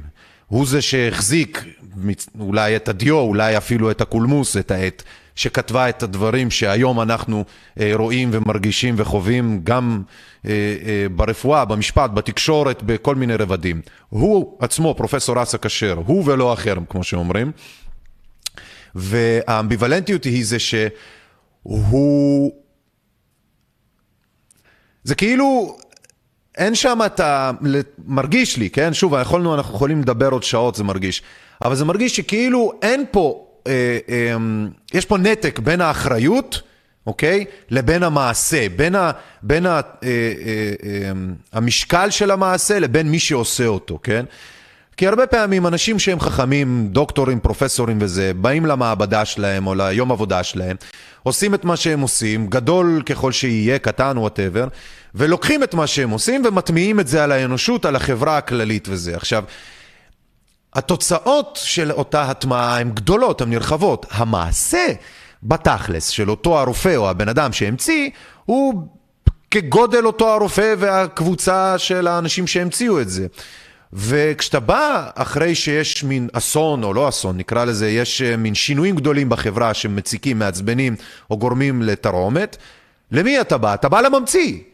ואז הוא מסתכל עליך והוא אומר, אבל, אה, אבל אני רק כאילו התכוונתי בכלל לזה ולזה ולזה ולזה, ואתה לא יכול שלא להקשיב ולנסות לנתח ולהבין שלא שהוא מחרטט אותי ומורח אותי, כן? אלא, לא כי על הכל הוא ענה, אבל הבן אדם באמת, כאילו, ליטרלי, רואה את עצמו רק כדיו וכעת כותבת, הוא לא, הרבה פעמים לא רואים את המשקל אפילו, סליחה, אפילו של, של, אה, של מה שהם כתבו, כן? כמו שהוא אמר על אה, ישראל, שישראל בהתחלה, כשהיא רק נוסדה, ניסתה להיות בסדר עם כולם, כמה שיותר בסדר, כן? כמה שיותר, לא יודע מה, אה, זה אני אומר, כן? פלורליסטית, ליברלית, או, או אמ, כמה שיותר, מה שנקרא, קונקורנטית לאותו הזמן, מבלי להיות דיקטטורה חדשה וכדומה. ניסו, ולא עבד. עכשיו, מי לוקח את האחריות שזה לא עובד?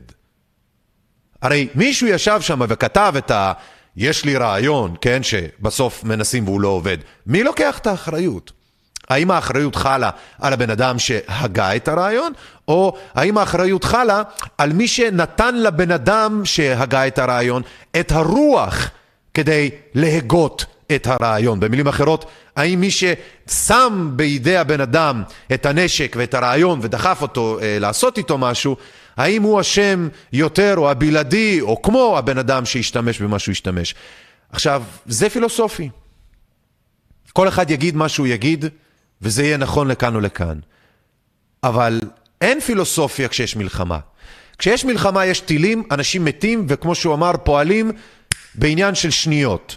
ולאותן שניות, כשממציאים את הקוד האתי שישמש אותך לפעול נכון גם באותן שניות, שלא תצטרך להמציא את הגלגל מחדש, זה לא עובד לנו, היום. אולי זה עבד פעם, אבל היום זה כבר לא עובד, ככה זה מרגיש. ושוב, היינו יכולים לשוחח שעות, וקרוב לוודאי שאנחנו עוד נשוחח, על אה, נושאים אחרים אולי, משיקים, רלוונטיים, אקטואליים, אני מקווה. ואני גם מקווה שאתם תלמדו להטיל ספק בכל אדם. גם אם הוא מחזיק במיליון תארים, כמו שמחזיק פרופסור אסא כשר, גם אם הוא חביב ונחמד, ובאמת לא מישהו שמתכוון להזיק למישהו, תטילו ספק. קודם כל, לפני הכל. זה חשוב מאוד. אז uh, אני רוצה לעבור לכמה צלילים, ואחריהם אנחנו נשוחח עם uh, רמי רחמיאל מערוץ uh, לאומנות.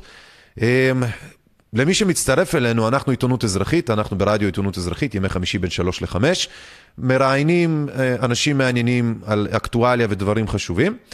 אתם מוזמנים לתמוך בנו, כאמור, להיכנס לאתר האינטרנט שלנו, להירשם שם לעדכונים, פעמון אדום מימין למטה באתר שלנו, ie2020.net, וגם בטלגרם שלנו, כל העדכונים, כל הפוסטים שלנו, והכל בכלל גם עולה לאתר, יש לנו באתר, ברובריקה של החדשות.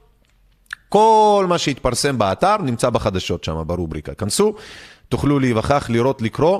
אמ, אז זהו, אז בואו נשים כמה צלילים. יש לנו יוצרים מדהימים. אה, גל שחר, העורך המוזיקלי שלנו, עושה עבודה קשה.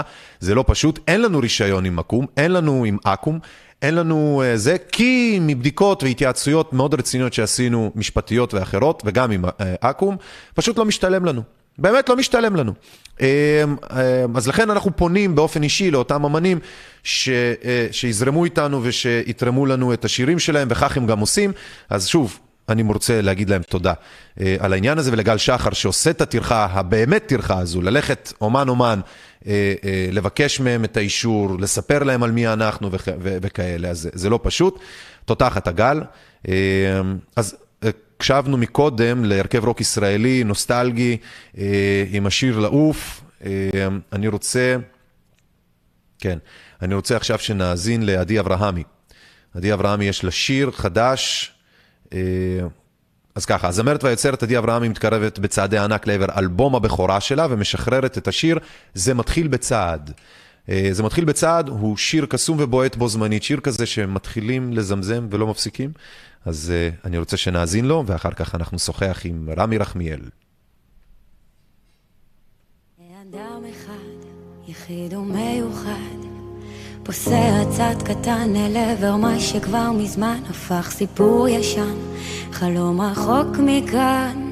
פוסע צעד קטן, נושא את הבלתי יאומן מכל האנשים, ובין אלפי דעות. פוסע צעד קטן, נושא עיניו אל הבאות, בתעוזה גדולה, באומץ לב, ושתי עיניים בורקות. וזה מתחיל בצעד, זה מתחיל בחלום, זה מתחיל באזור בבטן שתמיד ממשיך לנשום, זה מתחיל ממני, וממשיך אליך גם. זה מתחיל בדיוק בפחד שניצחתי לא מזמן. זה מתחיל מדמיון וממשיך למציאות. זה האומץ להפוך את הקשיים להזדמנות. זה מתחיל בצעד וממשיך למסע. זה מתחיל מאדם אחד ועובר לאנושות כולה. כשאדם אחד יחיד ומיוחד פוסע צעד קטן אל עבר מה שכבר מזמן הפך לא אפשרי. למין סיפור מקרי פוסע צעד קטן עושה את הבלתי יאומן. למרות כל הקולות הוא לא ישקוט. עד שיסלול דרכו עד שיפלו כל החומות. בתעוזה גדולה באומץ לב ושתי עיניים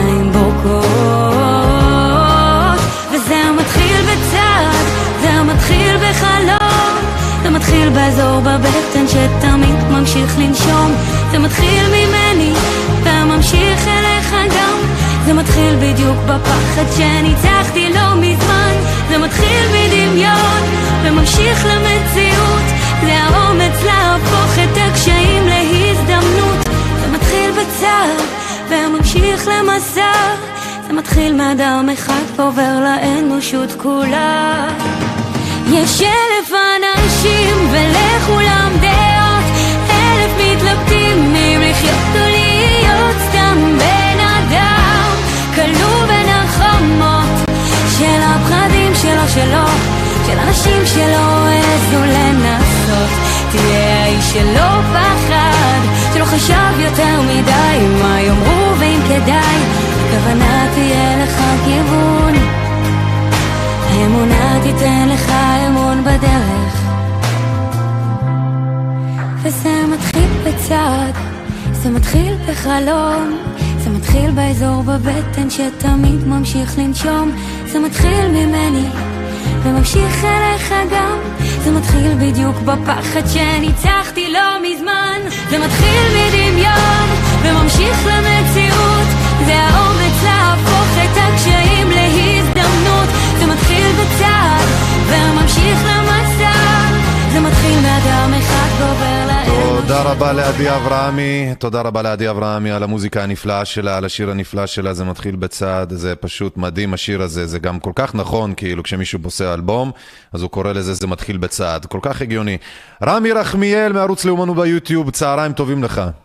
צהריים טובים עניין. מה שלומך? מעולה.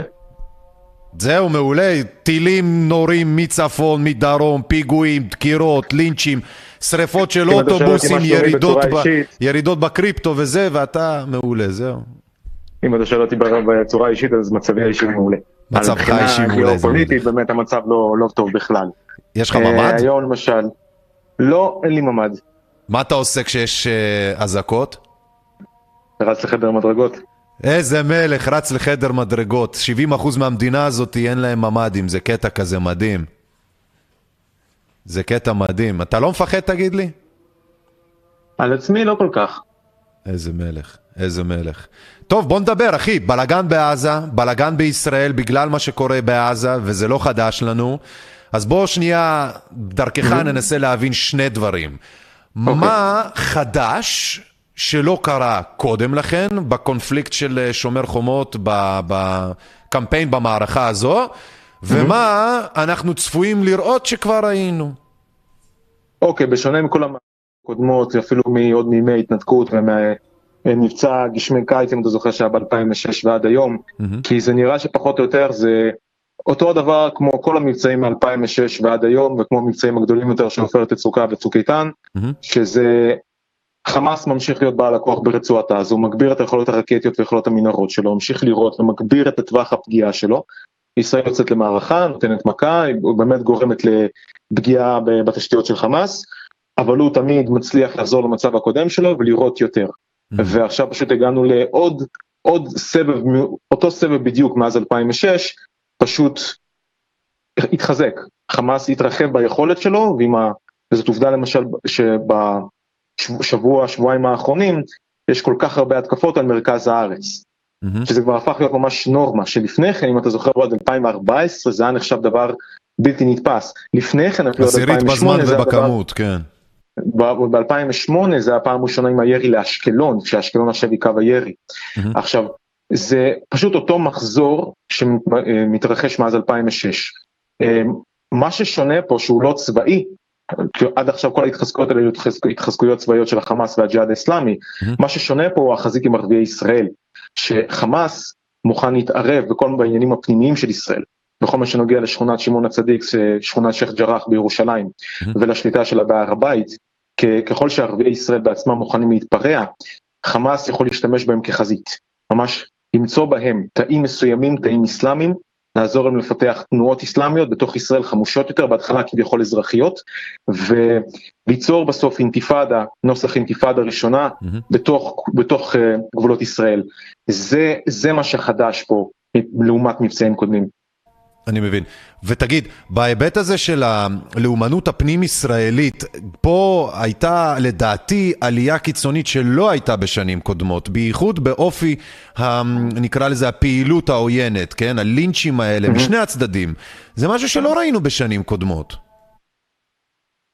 הדבר, נכון, לא ראינו את זה בשנים קודמות, הרבה מאוד שנים בתוך ישראל, ערביי ישראל באופן קבוע הזדהו עם אש"ף או הזדהו עם החמאס, או לא היו מוכנים לגנות, אה, ויצאו להפגנות מדי פעם בימי האדמה בחודש מרץ, אה, וזה תמיד היה במובן מאוד אזרחי. כלומר, זה, זה לא חדש לנו, העמדה שלהם ומה שהם רואים, מה האידיאולוגיה שלהם היא לא חדשה לנו, זה היה די ברור דרך ההצהרות של חברי כנסת שלהם, די ברור דרך כל מיני הפגנות ושביתות, אבל זה תמיד היה בעל אופי מאוד אזרחי. כלומר הוא כן, הוא כן בגדר הדמוקרטיה, כי הוא לא מהווה איום ישיר ל, ל, לחיי היהודים למעשה. Mm-hmm. ופה זה באמת עלה מדרגה, וזה עלה מדרגה, אה, יכול להיות כי זה קשור מאוד לדור הצעיר החדש, שהוא הרבה יותר לאומני מצד ערביי ישראל. Mm-hmm. דור של ממש בני 15, 20, 25, 30, שהם אלה שעושים את ממש הפגיעות הנרחבות.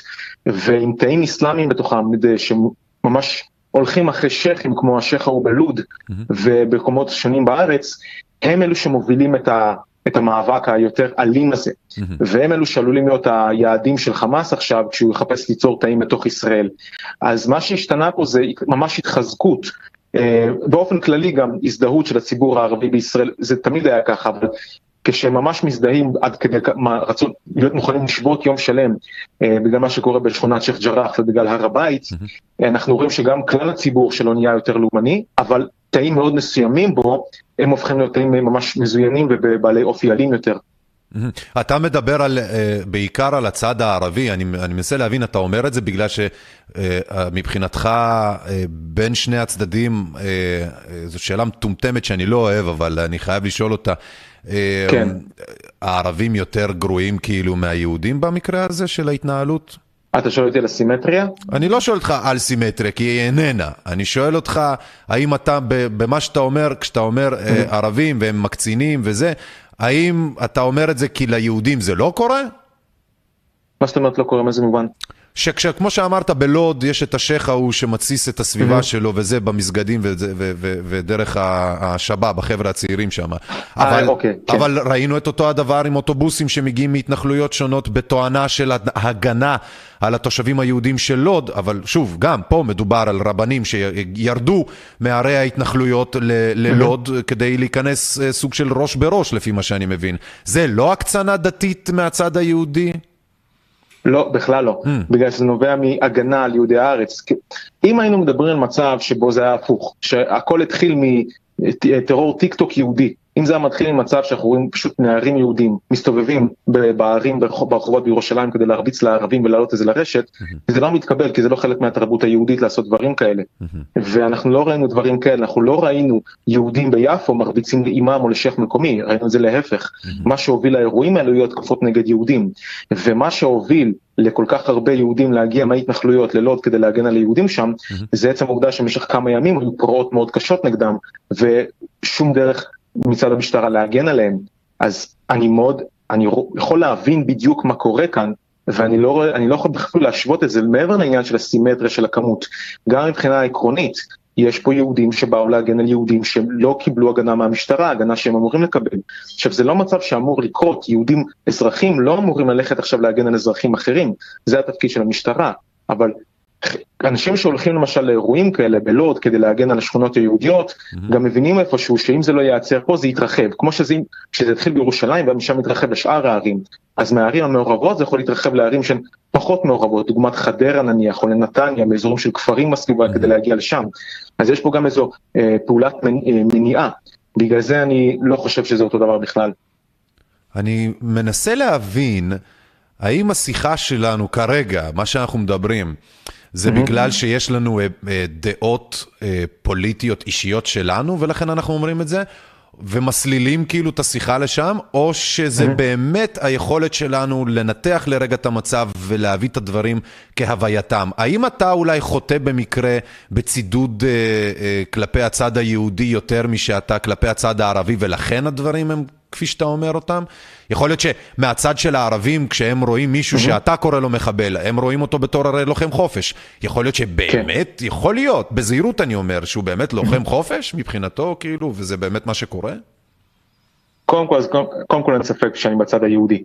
ואני לא חושב שהעדפות הפוליטיות שלנו, מה שמשנות עכשיו, מה שמשנה עכשיו, זה עניין יותר לאומני, של העם נגד, נגד עם אחר, שזה צורה, זה כל כך ישיר, אין פה מקום להתפלספות. זה כל כך ישיר. אם אתה עכשיו יודע שאתה נוסע ליפו, ואתה נתקל בכמה כנופיות שבאבניקיות, שעלולות לרגום אותך באבנים, זה כבר מקום של, זה כבר חזית קרב, זו כבר חזית מלחמה, היא פשוט אזרחית, אבל היא אלימה.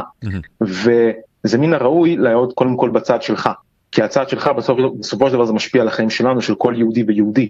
זה לא עניין אידיאולוגי, כמו שכל מלחמה פנימית, כל אינתיפאדה, כבר היא עוברת את האידיאולוגיה. כי עוד נניח על אזור כמו עזה או, או בתוך לבנון עצמה, במלחמת לבנון הראשונה, עוד איכשהו אפשר להתווכח על זה שאנחנו לא חייבים להיות לוחמניים פה. אה, כי זה רחוק מאיתנו. פה זה לא רחוק מאיתנו, זה ממש בתוך הערים שלנו, זה כבר איום שהוא ממש ישיר. בגלל זה אני לא רואה שום בעיה לצדד בעם שלנו, mm-hmm. ולנתח את המצב ולנסות להבין מה גורם לפרעות ולעצור את אותן פרעות. Mm-hmm. וגם מעבר לעניין של הניתוח עצמו, כשברור, כשמסתכלים על פשוט על השתלשלות האירועים, על לוח הזמנים, אם ההתקפות האלה התחילו באזור ירושלים ובאזורי יפו והתגברו ממש אחרי תקיפת הרב ביפו ב-15 באפריל, mm-hmm. אז ברור לנו מי הגורם המסית פה, מי הגורם ההתחלתי. אז אם הוא הגורם ההתחלתי, ואם בסופו של דבר בעשרה במאי חמאס ירו לתוך ישראל כדי לתמוך בפרעות של ערביי ירושלים ובתמיכה הגורפת של ערביי ישראל בערביי ירושלים לסגת משכונת שמעון הצדיק והר הבית, ברור שנוצר פה קשר במיוחד על רקע המבצע. בגלל זה, למרות שהניתוח הזה הוא לאומני והוא פרו-ישראלי, הוא כן מדויק למציאות. אני מבין. אני אוהב את זה שאתה שם את הדגשים האלה. אז, אז אם ככה בעצם, אם ככה, יש אוכלוסייה מאוד גדולה בישראל, שאומרת, אתה יודע מה? אני חושב שהעניין הלאומני הוא בכלל תבשיל של אינטרסים ואינטרסנטים משני הצדדים, כן? אוקיי. Okay. ובנוסף לזה, לא רק שמבחינתנו לא מדובר, מבחינת הרבה אנשים, לא רק שלא מדובר בלאומנות וזה, אלא זה בעצם אה, ספין הכי פשוט שיש. שנועד בסך הכל אה, לזרות מלח אה, בציבור שגם ככה הוא שבע מלחמות אה, אחד עם השני. זאת אומרת, ניצלו אותנו, אחי. הפוליטיקאים השונים. זה משהו שאתה אומר שערביי ישראל יכולים לטעון. לא, זה מה שאני טוען. גם ערביי ישראל חלקם טוענים את זה. בתור תושב יפו אני יכול להגיד לך שהם, mm-hmm. רבים מהם אומרים, זה לא שאני מחפש יהודי לדפוק בו לינץ' כשהוא נכנס ליפו, כן? כי עובדה, יש הרבה מאוד יהודים שהם גם שכנים של אותם ערביי יפו, שעליהם לא נעשה כלום, כן? Mm-hmm. זה, זה בסוף אנשים שבאים ואומרים, יש פה פוליטיקאים שעושים עלינו סיבוב, קטנים כגדולים, כן? רבנים כ, אה, כראש ממשלה וכשרים. אה, זה במשקל של הניתוח משהו שאנחנו אה, יכולים להתחשב בו? זה נכון להתחשב בו? אוקיי, okay, יש בזה שני צדדים בתוך זה. קודם כל מבחינה פוליטית, כן יש פה באמת אה, סדר זמנים קצת משונה. Mm-hmm. נתניהו קיבל את המנדט שלו להרכיב ממשלה בתחילת אפריל. Mm-hmm. ובהתחלה היו ניסיונות להתחבר לרע"מ, למנסור עבאס, יחד עם ימינה, נכון. משהו שהציונות הדתית מאוד התנגדו לו, נכון. וזה לא אפשר לו להקים ממשלה. נכון. אה, מה זה לא כך, אפשר? קברו אותו עוד רגע, הספידו אותו כבר. נכון, כן. ובחמישה במאי המנדט עבר ללפיד. עכשיו הפרעות עצמן באזור ירושלים התחילו באמצע אפריל. אה, הטיק טוק התחיל עוד איזה שבועיים שלושה לפני כן, אבל מבחינת מהומות זה התחיל עם הרמדאן בסביבות אמצע אפריל. הטיק טוק זה חבר'ה פלסטינים שעלו לרכבת הקלה ולכל מיני סיטואציות כאלה, מצאו להם חרדים יהודים, פשוט דפקו להם סטירה כאפה בוקס עניינים, פרסמו את זה בטיק טוק, אחר כך הם נתפסו, נשפטו וזה, כן. אוקיי, ו... אז חזרה לנקודה הפוליטית, באמצע אפריל הממשלה כבר הייתה צריכה, או נתניהו להכריז על מצב חירום או דחייה כלשהי, או החלטה כלשהי כדי לדחות את העניין של הרכבת הממשלה. כדי לטפל בפרעות בירושלים. כי זה היה כבר די ברור מאז שהפרעות האלו, במיוחד על רקע הבחירות ברשות, אה, והאפשרות כבר אז שדוברה על זה שחמה, על שהבחירות אה, תידחנה כדי שחמאס לא יתחזק. ויעלה לשלטון ב... אה, ביהודה ושומרון, mm-hmm. כבר אז היה ברור שצריך להכריז על סוג של מצב חירום ולעצור אותו מאוד מהר. אבל לא הייתה שום התייחסות מצד הפוליטיקאים המובילים. אני בעצמי בשבועות האלו עקבתי אחרי, הרבה מאוד אחרי עמודי הפייסבוק, עמודי הטוויטר של הפוליטיקאים המובילים, ולא הייתה שום התייחסות לפרעות בירושלים. Mm-hmm. וההתייחסות התחילה כשזה כבר באמת הפך להיות תקשורתי, בחמישה במאי, בשישה במאי, mm-hmm. אבל זה, זה פשוט חלק מהגל, כל אחד מצטרף כי הוא כבר חייב להצטרף, לא כדי ליזום מדיניות או משהו. רגע, אז ריקה, אה, אתה בעצם אומר שיש משהו בלוחות הזמנים של כל האירועים של החודש האחרון, של החודש, mm-hmm. חודש, וחצי האחרונים, יש משהו בלוח הזמנים שגורם לך להאמין שהלחימה הזאת שיש פה עכשיו היא בעצם ביטוי אסטרטגי סלש טקטי של גורמים פוליטיים ישראלים או לאו. זאת אפשרות. יש הרבה מאוד אפשרויות שיכולות להיות, אבל זאת כן אפשרות. בגלל ששוב פעם, אני רק, אני אשלים את מה שרציתי להגיד, שבתקופה הזאת, כשהיה נדרש להכריז על מצב חירום ולדכא את הפרעות בירושלים, זה לא נעשה. וזה נגמר איך שהמנדט של נתניהו נגמר, והמנדט חזר לנשיא, ונשיא העביר אותו ללפיד כדי להרכיב ממשלה, אז התחילה התייחסות רצינית יותר. ואני עם עצמי תוהה למה באותם 28 ימים, כשהייתה צריכה להיות התייחסות רצינית כדי לעצור את זה לפני התרחבות לשאר הארץ, לא הייתה התרחבות, לא הייתה את העצירה הזאת. כי לישראל יש מספיק ניסיון עם פרעות כאלו, שמתחילות בכפרים מסוימים, בערים מסוימות, והן מתרחבות לפני, אם הן לא מדוכאות מהר. אם אין מהר ממש התערבות פוליטית וכל מה שצריך כדי לעצור את זה. וזה נראה לי תמוה שאם אף אחד מהם לא הבין את זה, שאם באפריל לא עוצרים את הפרעות הן לא מתרחבות, וזה נראה לי תמוה שאף אחד לא הבין את זה שעל רקע ב-30 באפריל כשאבו מאזן הכריז על דחיית הבחירות ל, אה, לרשות, אה, שאף אחד לא הבין את זה כביכול, שחמאס לא ינצל את המצב כדי להיכנס להתערב במה שקורה בתוך ישראל. אני יודע שאתה לא אוהב את זה, אני יודע שאתה לא אוהב את זה, אבל אה, זה בשביל בן אדם כמוני, זה בעצם אומר, זה לא שהם פספסו, וזה מתמיהה כי הם כנראה עשו את זה בכוונה. במילים אחרות, לאפשר את הסיטואציה, לתת לה להידרדר, כדי ליהנות פעמיים, פעם אחת מזה שדעת הקהל מוסחת לכיוון אחד, מכיוונים mm-hmm. של משפט של נתניהו ועוד כל מיני פוליטיקה של הממשל, הקמת הממשלה כמו שאמרת וזה, ופעם שנייה, לנצל הזדמנות בשביל לבצר, אה, לבצר שוב אה, איזושהי עמדה אה, מדינית, גיאופוליטית, צבאית, ביטחונית, וואטאבר. מה, זה לא הגיוני? זה מאוד הגיוני שהייתה תוכנית מגירה כלשהי לגבי רצועת עזה, אני בטוח שלצה"ל יש תוכניות מגירה לגבי כל דבר. גם אפשרות... אה, לצה"ל יש כל כך הרבה מגירות, כן, וואו וואו.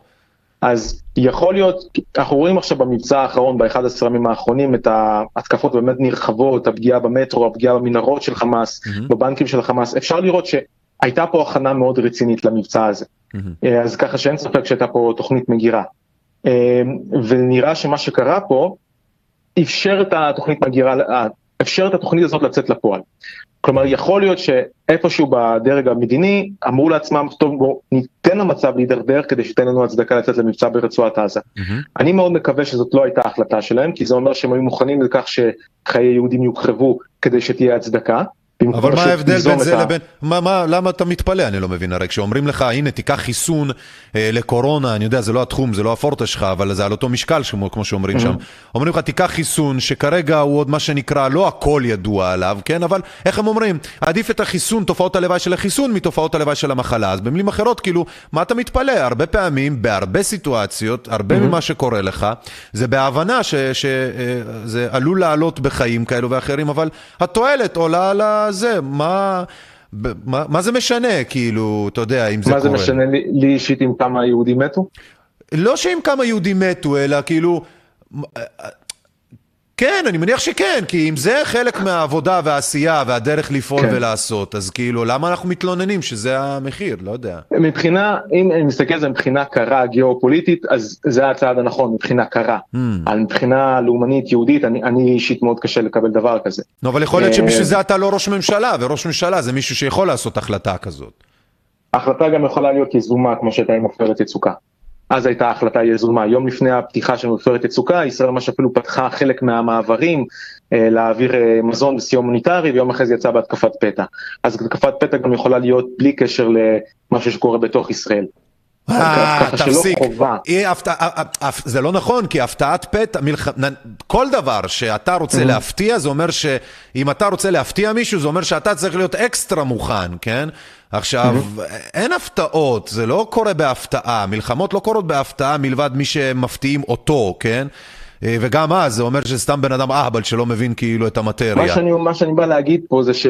כשלוקחים את הסדר, את השיקולים איך ומתי לפתוח את המבצע, okay. כן. זה קודם כל לא, לא, לא להיגרר אליו כמו שקרה, יכול להיות שישראל רצתה להיגרר למבצע, אבל לא להיגרר אליו כמו שהיא נגררה אליו, mm-hmm. ואפשר תמיד לבנות את הסדר פעולות ככה שחי... אה, שלא תהיה, לא יהיה סיכון לשום חיים של אף אחד בתוך ישראל. זה כן אפשרי להתחיל מבצע מתוך מקום יזום לחלוטין. רמי, כשאתה יורד טילי אומר... כיפת ברזל מעל הראש והם נופלים לאיפשהו, זה נופל על הציבור, אתה יודע, עם כל הכבוד והרצון לשמור כן. על ביטחונם. אבל אם יש לך כבר ידיעה שחמאס יידרדר למבצע, אם אתה רואה שזה הכיוון. כמו שהתחלנו לדבר לפני, אנחנו עכשיו מדברים על הנקודה הזאת לפני כמה דקות, התחלנו לדבר על זה mm-hmm. מתוך מקום של אה, האם היה פה איזה משהו בשיקולים, ואז אמרתי לך על תוכנית מגירה ש, של אה, להשמיד תשתיות חמאס, mm-hmm. אז יכול להיות שהמצב הזה עכשיו הוא הצדקה לתוכנית הזאת, וזה התחיל מתוך משבר פוליטי, אי טיפול בבעיה בירושלים באפריל. משם התרחבות, וכשכבר נגררנו לתוך זה, אז יכול להיות שצה"ל פשוט קיבל את האישור לתוכנית מגירה הזאת. זה מה שאני בא להגיד. ואם רוצים לצאת למבצע, מן הסתם שלא נגררים אליו בצורה כזאת, במיוחד לא כשלצה"ל היה צריך להיות תרגיל גדול לחודש, התרגיל הארוך בתולדותיו של חודש שלם שמדבר חודש מלחמה. והכי חשוב, במיוחד כשעכשיו, עכשיו זה לא הזמן למבצע, במיוחד בגלל הסכם הגרעין שהולך ומתהווה בין איראן לארה"ב והמעצמות. Mm-hmm. היום למשל רוחני אה, הצהיר על כך שהגענו להבנות עם ארה"ב להסיר את מירב הסנקציות אה, כדי להמשיך בתוכנית גרעין. וחמאס והג'יהאד האיסלאמי כשלוחי איראן, ככאלו שנתמכים על ידי איראן, במובן מסוים גם על ידי טורקיה, הם, הם יכולים להשתמש במצב בתוך ישראל, הם יכולים פשוט להתחיל לירות על ישראל כדי להסיט את תשומת הלב שלה ולהסיט ממנה משאבים, גם משאבים דיפלומטיים, מה, מהדבר הגדול יותר שקורה כרגע, והוא תוכנית הגרעין, בין, אה, סליחה, הסכם הגרעין בין איראן למעצמות. Mm-hmm. בגלל זה אני לא חושב שזה טוב הידרדרנו למבצע הזה. אני מבין. אז זה בעצם, לי אישית, ממה שאתה אומר, כן, אני מאוד, mm-hmm. אני מאוד סומך על הניתוח שלך, לא תמיד מסכים, אבל סומך על זה. לכן, mm-hmm. ממה שאתה אומר עכשיו, אני, יש לי תחושה אה, שבעצם ה... לא נכנסנו לזה כי רצינו, כי זו בחירה אה, מודעת, מושכלת, אלא כי באמת נגררנו לזה. אה, לא משנה כרגע באיזה אג'נדות, אבל אנחנו פשוט נגררנו לזה, זו התחושה שלי, אתה יודע? זה למה זה לא מתאים כרגע להסכם בין ארצות הברית לבין איראן אה, וכאלה. פשוט בגלל שיש פה מין גרירה כזאת. ויותר מזה, אני חושב שיש פה מלחמת אזרחים, שיותר מדי קוראים לה ערבים ויהודים, חמאס, ישראל, זה מלחמת אזרחים. במדינת ישראל, אני 30 שנים גר פה, לא ראיתי, לא הרגשתי ולא שמעתי, והייתי פה בסיטואציות קשות אה, ובמקומות אה, שונים, ובאמת, הייתי עד להרבה דברים, אבל מה שקורה בשנה האחרונה או בחודשים האחרונים, לא ראיתי ולא חוויתי מימיי. זו מלחמת אזרחים לכל דבר ועניין. אתה לא חושב ככה? פנים ישראלי. זה, זה, זו התחלה כזאת, כי גם אה, בשנים שלפני האינתיפאדה הראשונה, לפני 87, אה, גם היו גלי פרעות כאלו וממש הסתה הולכת וגוברת לפני שפרצה אינתיפאדה. אה, ובמובן מסוים זה, אפשר להשוות את זה למה שקורה עכשיו. כי בעקבות האירועים האלה, גם נניח והיום בצהריים, היום בערב זה נגמר לגמרי, נניח וזה נגמר לגמרי כבר עכשיו. אז מה שקרה זה די כבר אי אפשר לחזור על זה, הכמויות הלינצ'ים, אה, הבתי כנסת השרופים, הרכבים השרופים, זה פשוט, אלו תמונות שלא עומדות להישכח בשנים הקרובות. ואם אנחנו לוקחים בחשבון עוד המשך משבר פוליטי, נניח עכשיו שוב פעם בחירות חמישיות ושום דבר לא יתקדם, mm-hmm. אז אין סיבה, ובכלל כשמכניסים לפן האידיאולוגי, תקשורתי, mm-hmm. אין סיבה לראות את זה מאוחד. ובשביל ארגונים כמו חמאס, בשביל ארגונים, בשביל מדינות כמו טורקיה, זאת פשוט קרקע מושלמת. כי יש לך ציבור מאוד גדול, וזה לא חייב להיות 100% מהציבור, גם אם זה 5% מהציבור. Mm-hmm. יש לך ציבור מאוד גדול שמזדהה איתך דתית, ופשוט שונא יהודים, והוא אפילו היה שותף בצורה כזו או אחרת בכבר התקוממות, ואולי הוא כבר נעצר ושוחרר, ואתה יודע את מי לחפש. בשביל טורקיה שפעילה בירושלים כבר הרבה מאוד שנים מבחינת אה, צדקה אסלאמית וכאלו, זו גם הזדמנות מאוד גדולה כדי להרחיב את מה שקורה. אז בשביל, אם נניח אני מתחרה בישראל, איזו הזדמנות זאת בשבילי? להתחיל כאילו להסיט את ה... את הציבור הערבי יותר ויותר נגד יהודים, או חלקים ממנו, אה, תנועות חברתיות. אז קשה לי לראות את זה נגמר בשנים הקרובות, וזו באמת בעיה מאוד גדולה. אני, שאלה אחרונה, יכול להיות שמה שהם עושים, כמו שאמרת, מנצלים את ההזדמנות, רואים פה איזושהי אה, אה, הזדמנות אה, לעשות כל מיני אה, פוליטיקות, יכול להיות שבעצם זה מסמל שבאמת נתניהו סיים את דרכו, שהם מריחים את זה, ושזה באמת מה שזה? אמ, יש בזה איזושהי אפשרות, גם בזה שנתניהו סיים את דרכו, זאת באמת אפשרות. אמ, כי כן, כי זה יוצר המערבולת הפוליטית בתוך ישראל, עם החוסר יכולת להכריע באמת קואליציה יהודית מבלי להשתמש בערבים, mm-hmm. מבלי להשתמש במפלגה ערבית, כלומר, זה, המצב הזה קצת משתנה. גם בהתחלה שנתניהו חיזר אחרי מנסור עבאס ואחרי הקול הערבי וניסה להביא אותם לצד שלו כדי לנצח. כן, הוא עשה בעצם את מה שהוא תמיד אמר על, על אחרים כשהוא התמודד אה, כן. מולם. הוא אמר, אה, הנה הם הולכים עם האלה, השמאלנים, עם הערבים הקיצוניים וזה וזה, והנה, הוא ישר זה הזדרז ומיהר, זה כנראה באמת אומר שזה הסוף שלו. אז הם תופסים את ההזדמנות, כן.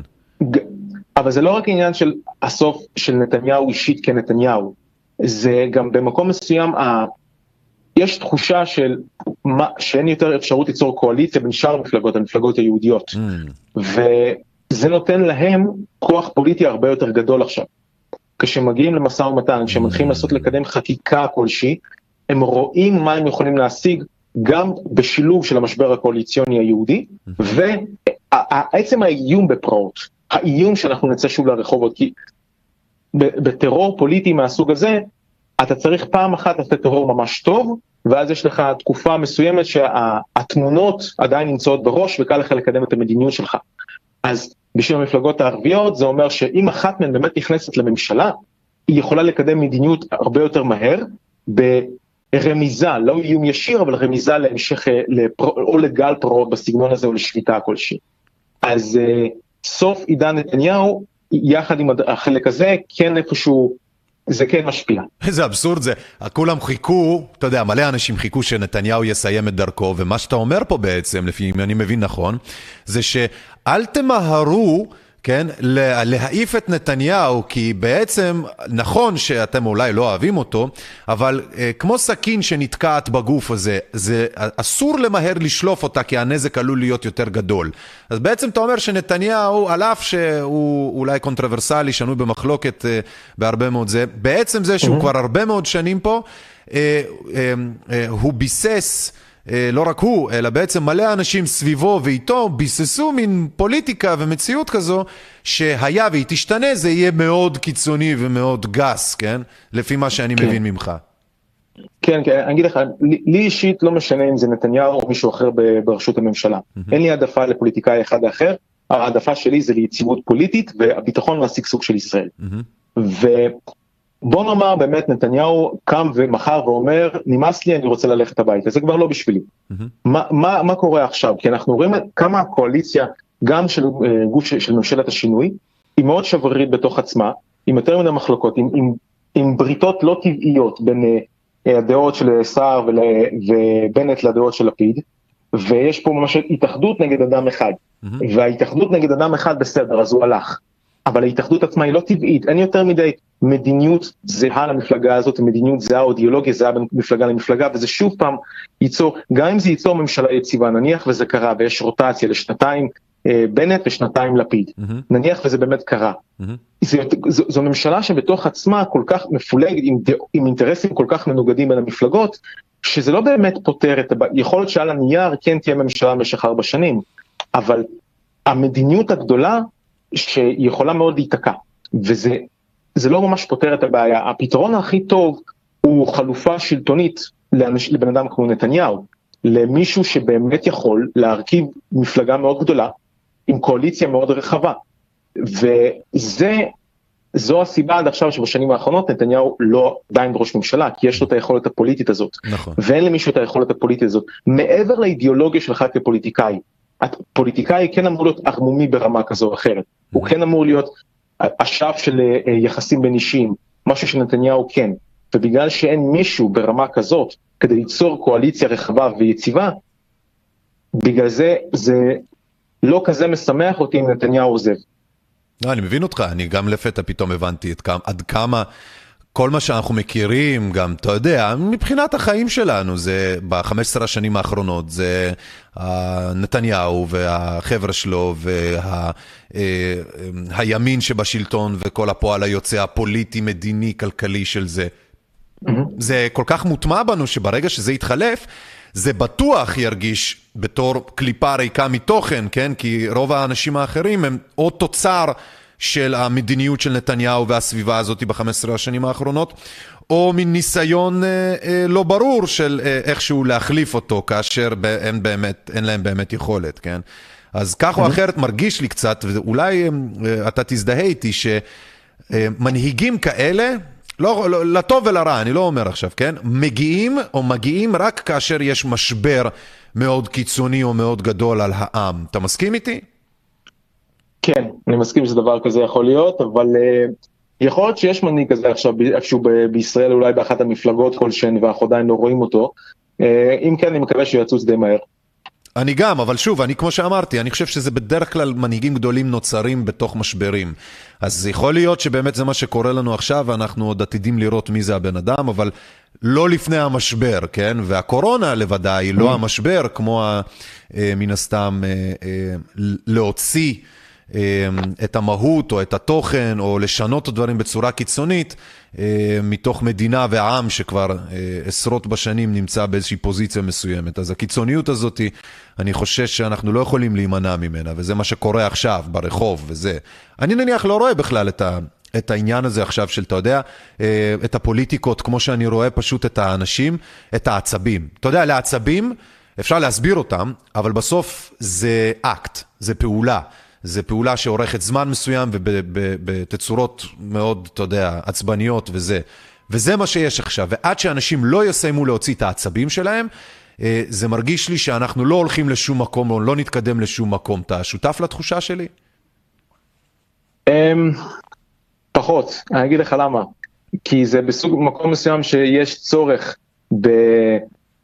בסוג של מרי אזרחי, או שביתות, או הפגנות, או משבר לאומי, כדי להירגע, או כדי פשוט להוציא את האגרסיות. Mm-hmm. יכול להיות, גם אם זה עוזר, זה יעזור לזמן קצר, כי השיטה עצמה או אמורה להשתכלל פה, או מנהיג חלופי באמת אמיתי אמור להגיע, ורק במצב כזה אני מאמין שאותן חילוקי דעות תוכלנה איכשהו להירגע. אני מקווה. טוב, אנחנו יכולים לדבר לנצח, אני ואתה, אני מכיר אותך, ואתה בן אדם עסוק, יש לך סרטונים שאתה עושה בערוץ שלך, ערוץ לאומנות ביוטיוב כאמור, אתם חברים, אתם המאזינים שלנו, אתם מוזמנים להיכנס לערוץ של רמי, הוא עושה שם חיל, הוא עושה עבודה קשה, והוא עושה סרטונים רבים ורציניים, ניתוחים גיאופוליטיים של, של ישראל, של הסביבה שלה, של המדינות השכנות, אז אני כבר מציע לכם וממליץ לכם להיכנס. רמי, אני רוצה להגיד לך תודה רבה על הרעיון שלך, וכמובן אנחנו נזמין אותך שוב פעם לשוחח. שמור על עצמך, גם אם זה בחדר המדרגות, ובתקווה באמת שאנחנו נתראה בתקופות וזמנים יותר רגועים, רמי. תודה רבה לך. תודה לך, אליאן. להתראות. להתראות, ביי ביי. אמ, אוקיי, חברים יקרים, אני אה, באמת רוצה להגיד תודה לרמי על אה, זה שהוא השתתף ולפרופסור אה, כשר על זה שהם הצטרפו וטרחו. אמ, לא תמיד אנחנו מסכימים, ולא תמיד אפשר על כל האי הסכמות להתעכב ולחפור, כי בשביל זה יש את, זאת אומרת, כי זה ראיון ואתם צופים בו ומאזינים בו, מאזינים לו, אז לכן אני לא רוצה אמ, להתפזר, אנחנו שואלים שאלות, מקבלים תשובות, לא תמיד על הכל אפשר להתפלסף ולהתווכח. אז אה, אם אתם רוצים בכל זאת, כן אה, יותר מידע מהאנשים האלה, אתם מוזמנים, אנחנו ניתן את הכישורים לחלק אה, לחלק מהדרכים שבהם אתם יכולים אה, בעצם אה, אה, לגשת, לשמוע, לדבר איתם, לפנות אליהם. אז כאמור, רמי מערוץ לאומנות ופרופסור אסא כשר, יש לו את העמודים שלו ואת הפייסבוק שלו. הם אנשים שאפשר לדבר איתם, אז תכתבו להם, תגידו להם מה דעתכם, כל מיני כאלה. אני משוכנע שהם יסמכו על חלק ממה שיש לכם לומר ועל חלק בטח הם פחות יסמכו, אבל תעשו את זה נונדלס, זה חשוב. אה, יש עוד טילים, יש עוד ירי, המצב עוד לא השתנה. החודש אה, יוני, אליו אנחנו מתקרבים בעוד כעשרה ימים, הוא בעצם, ה-14 אה, ביוני, אם זיכרוני אינו מטעה אותי, יהיה בעצם סוג של מין פיק, שיא של כל מה שאתם רואים עכשיו. ואנחנו נראה את זה לאט לאט והדרגתי. חלק מהאנשים בכלל לא רואים על מה אנחנו מדברים. לא פיק, לא פוליטיקות, לא צביקה פיק, לא כלום לא מעניין אותם. וזה בסדר גמור, כן, שזה בשלהם. אבל מי שמבין ורואה יודע שאנחנו, ובאמת אה, אה, אה, שם לב שאנחנו לא מתבלבלים.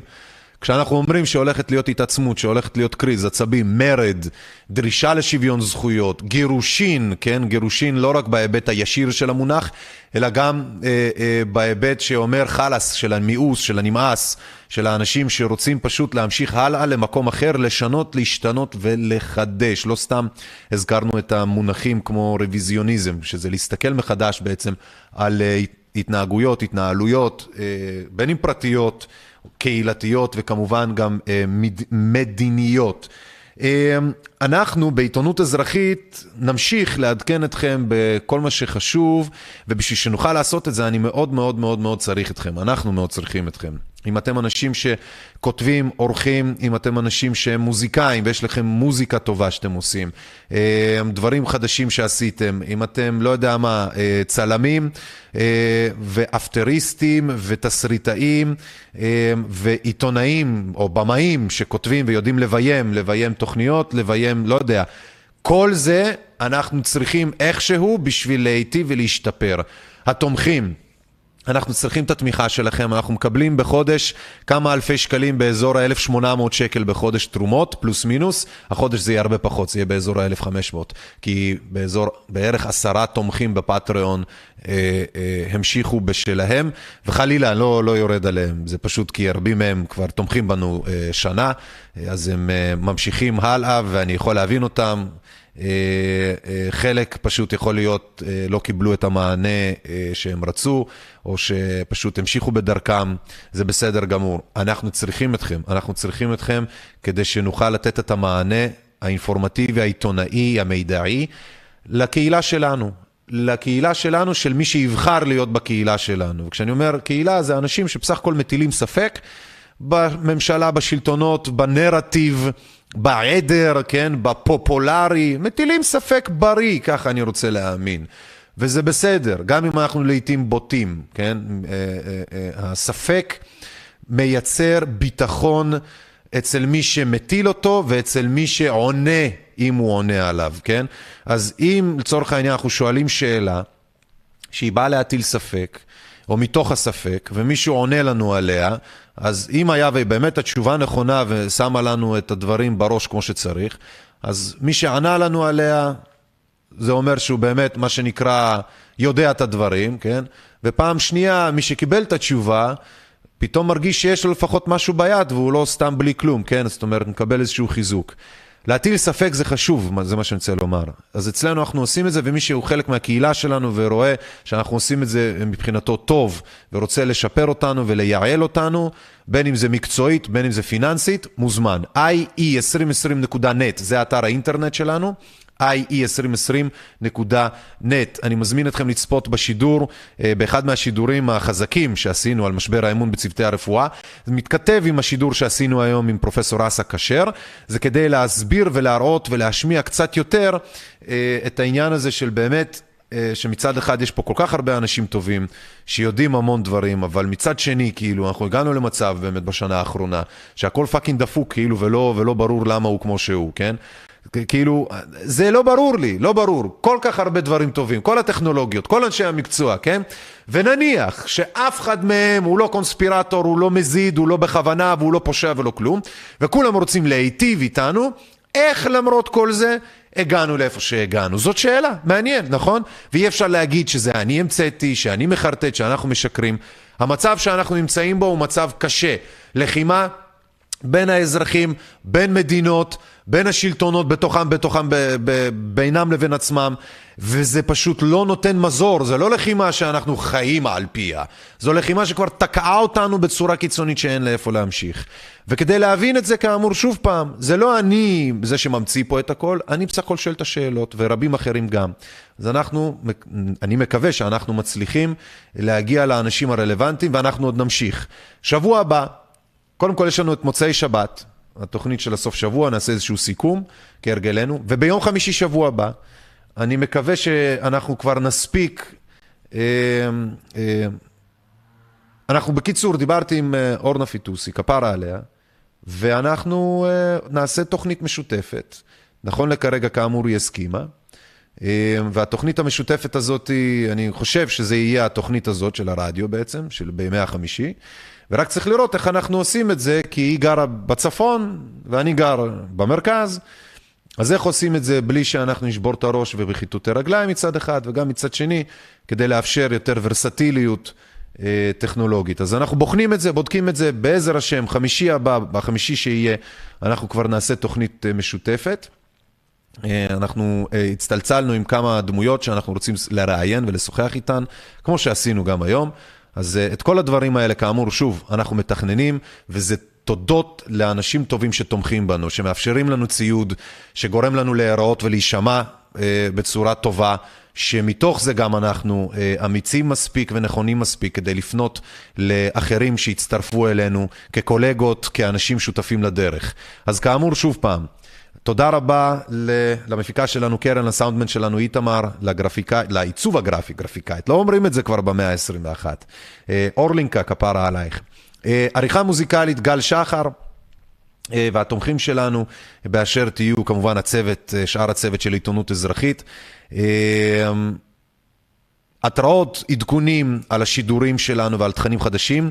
באתר שלנו, מצד ימין למטה, כאמור, שוב פעם, באתר שלנו, מצד ימין למטה, פה זה הפעמון שלנו, אתם יכולים לראות, אתם לוחצים עליו פשוט ונרשמים, אוקיי? אני כבר נרשמתי, אז לכן הוא כותב לי, נרשמת בהצלחה.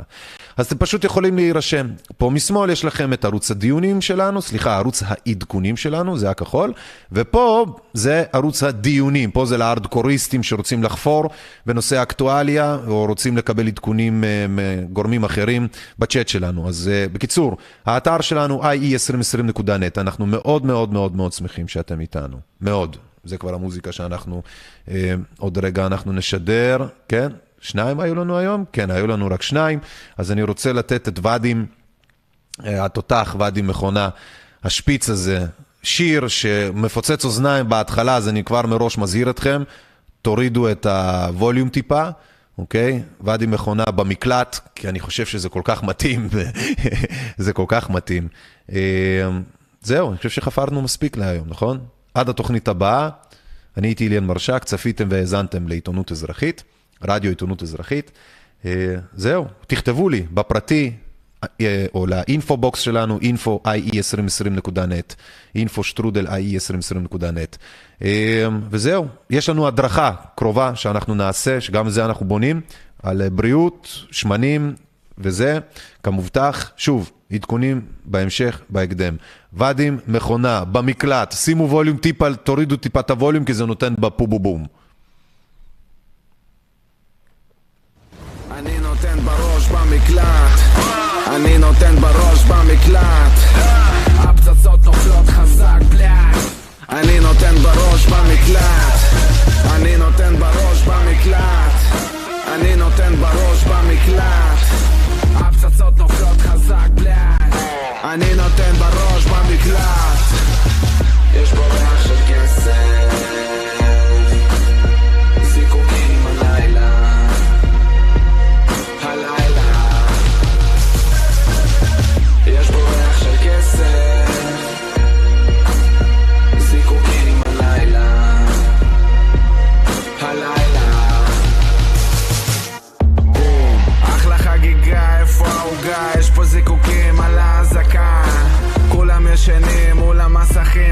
המקלטים עם המזגנים, כל המשפחה. משדרים רגיל את העסקים, כולם מרוצים מהחפצים. איזה אחלה דיל, פרוס לתשלומים מהניילונים מודל 2020 אני נותן בראש במקלט. אני נותן בראש במקלט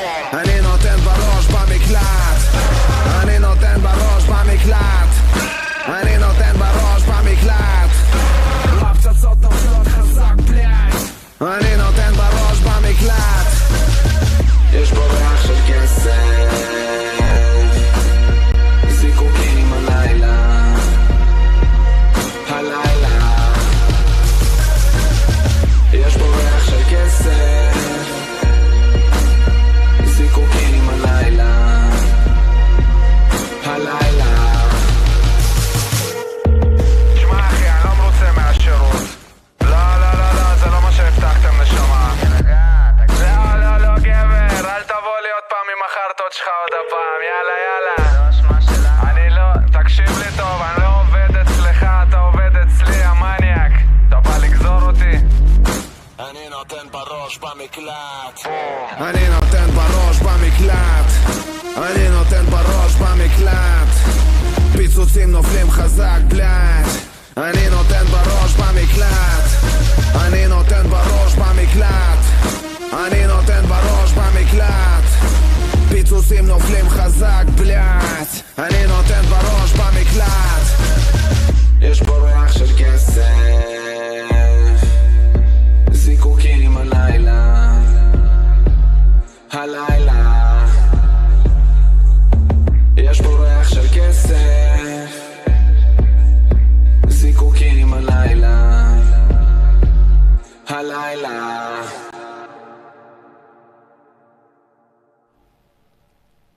רדיו עיתונות אזרחית 2020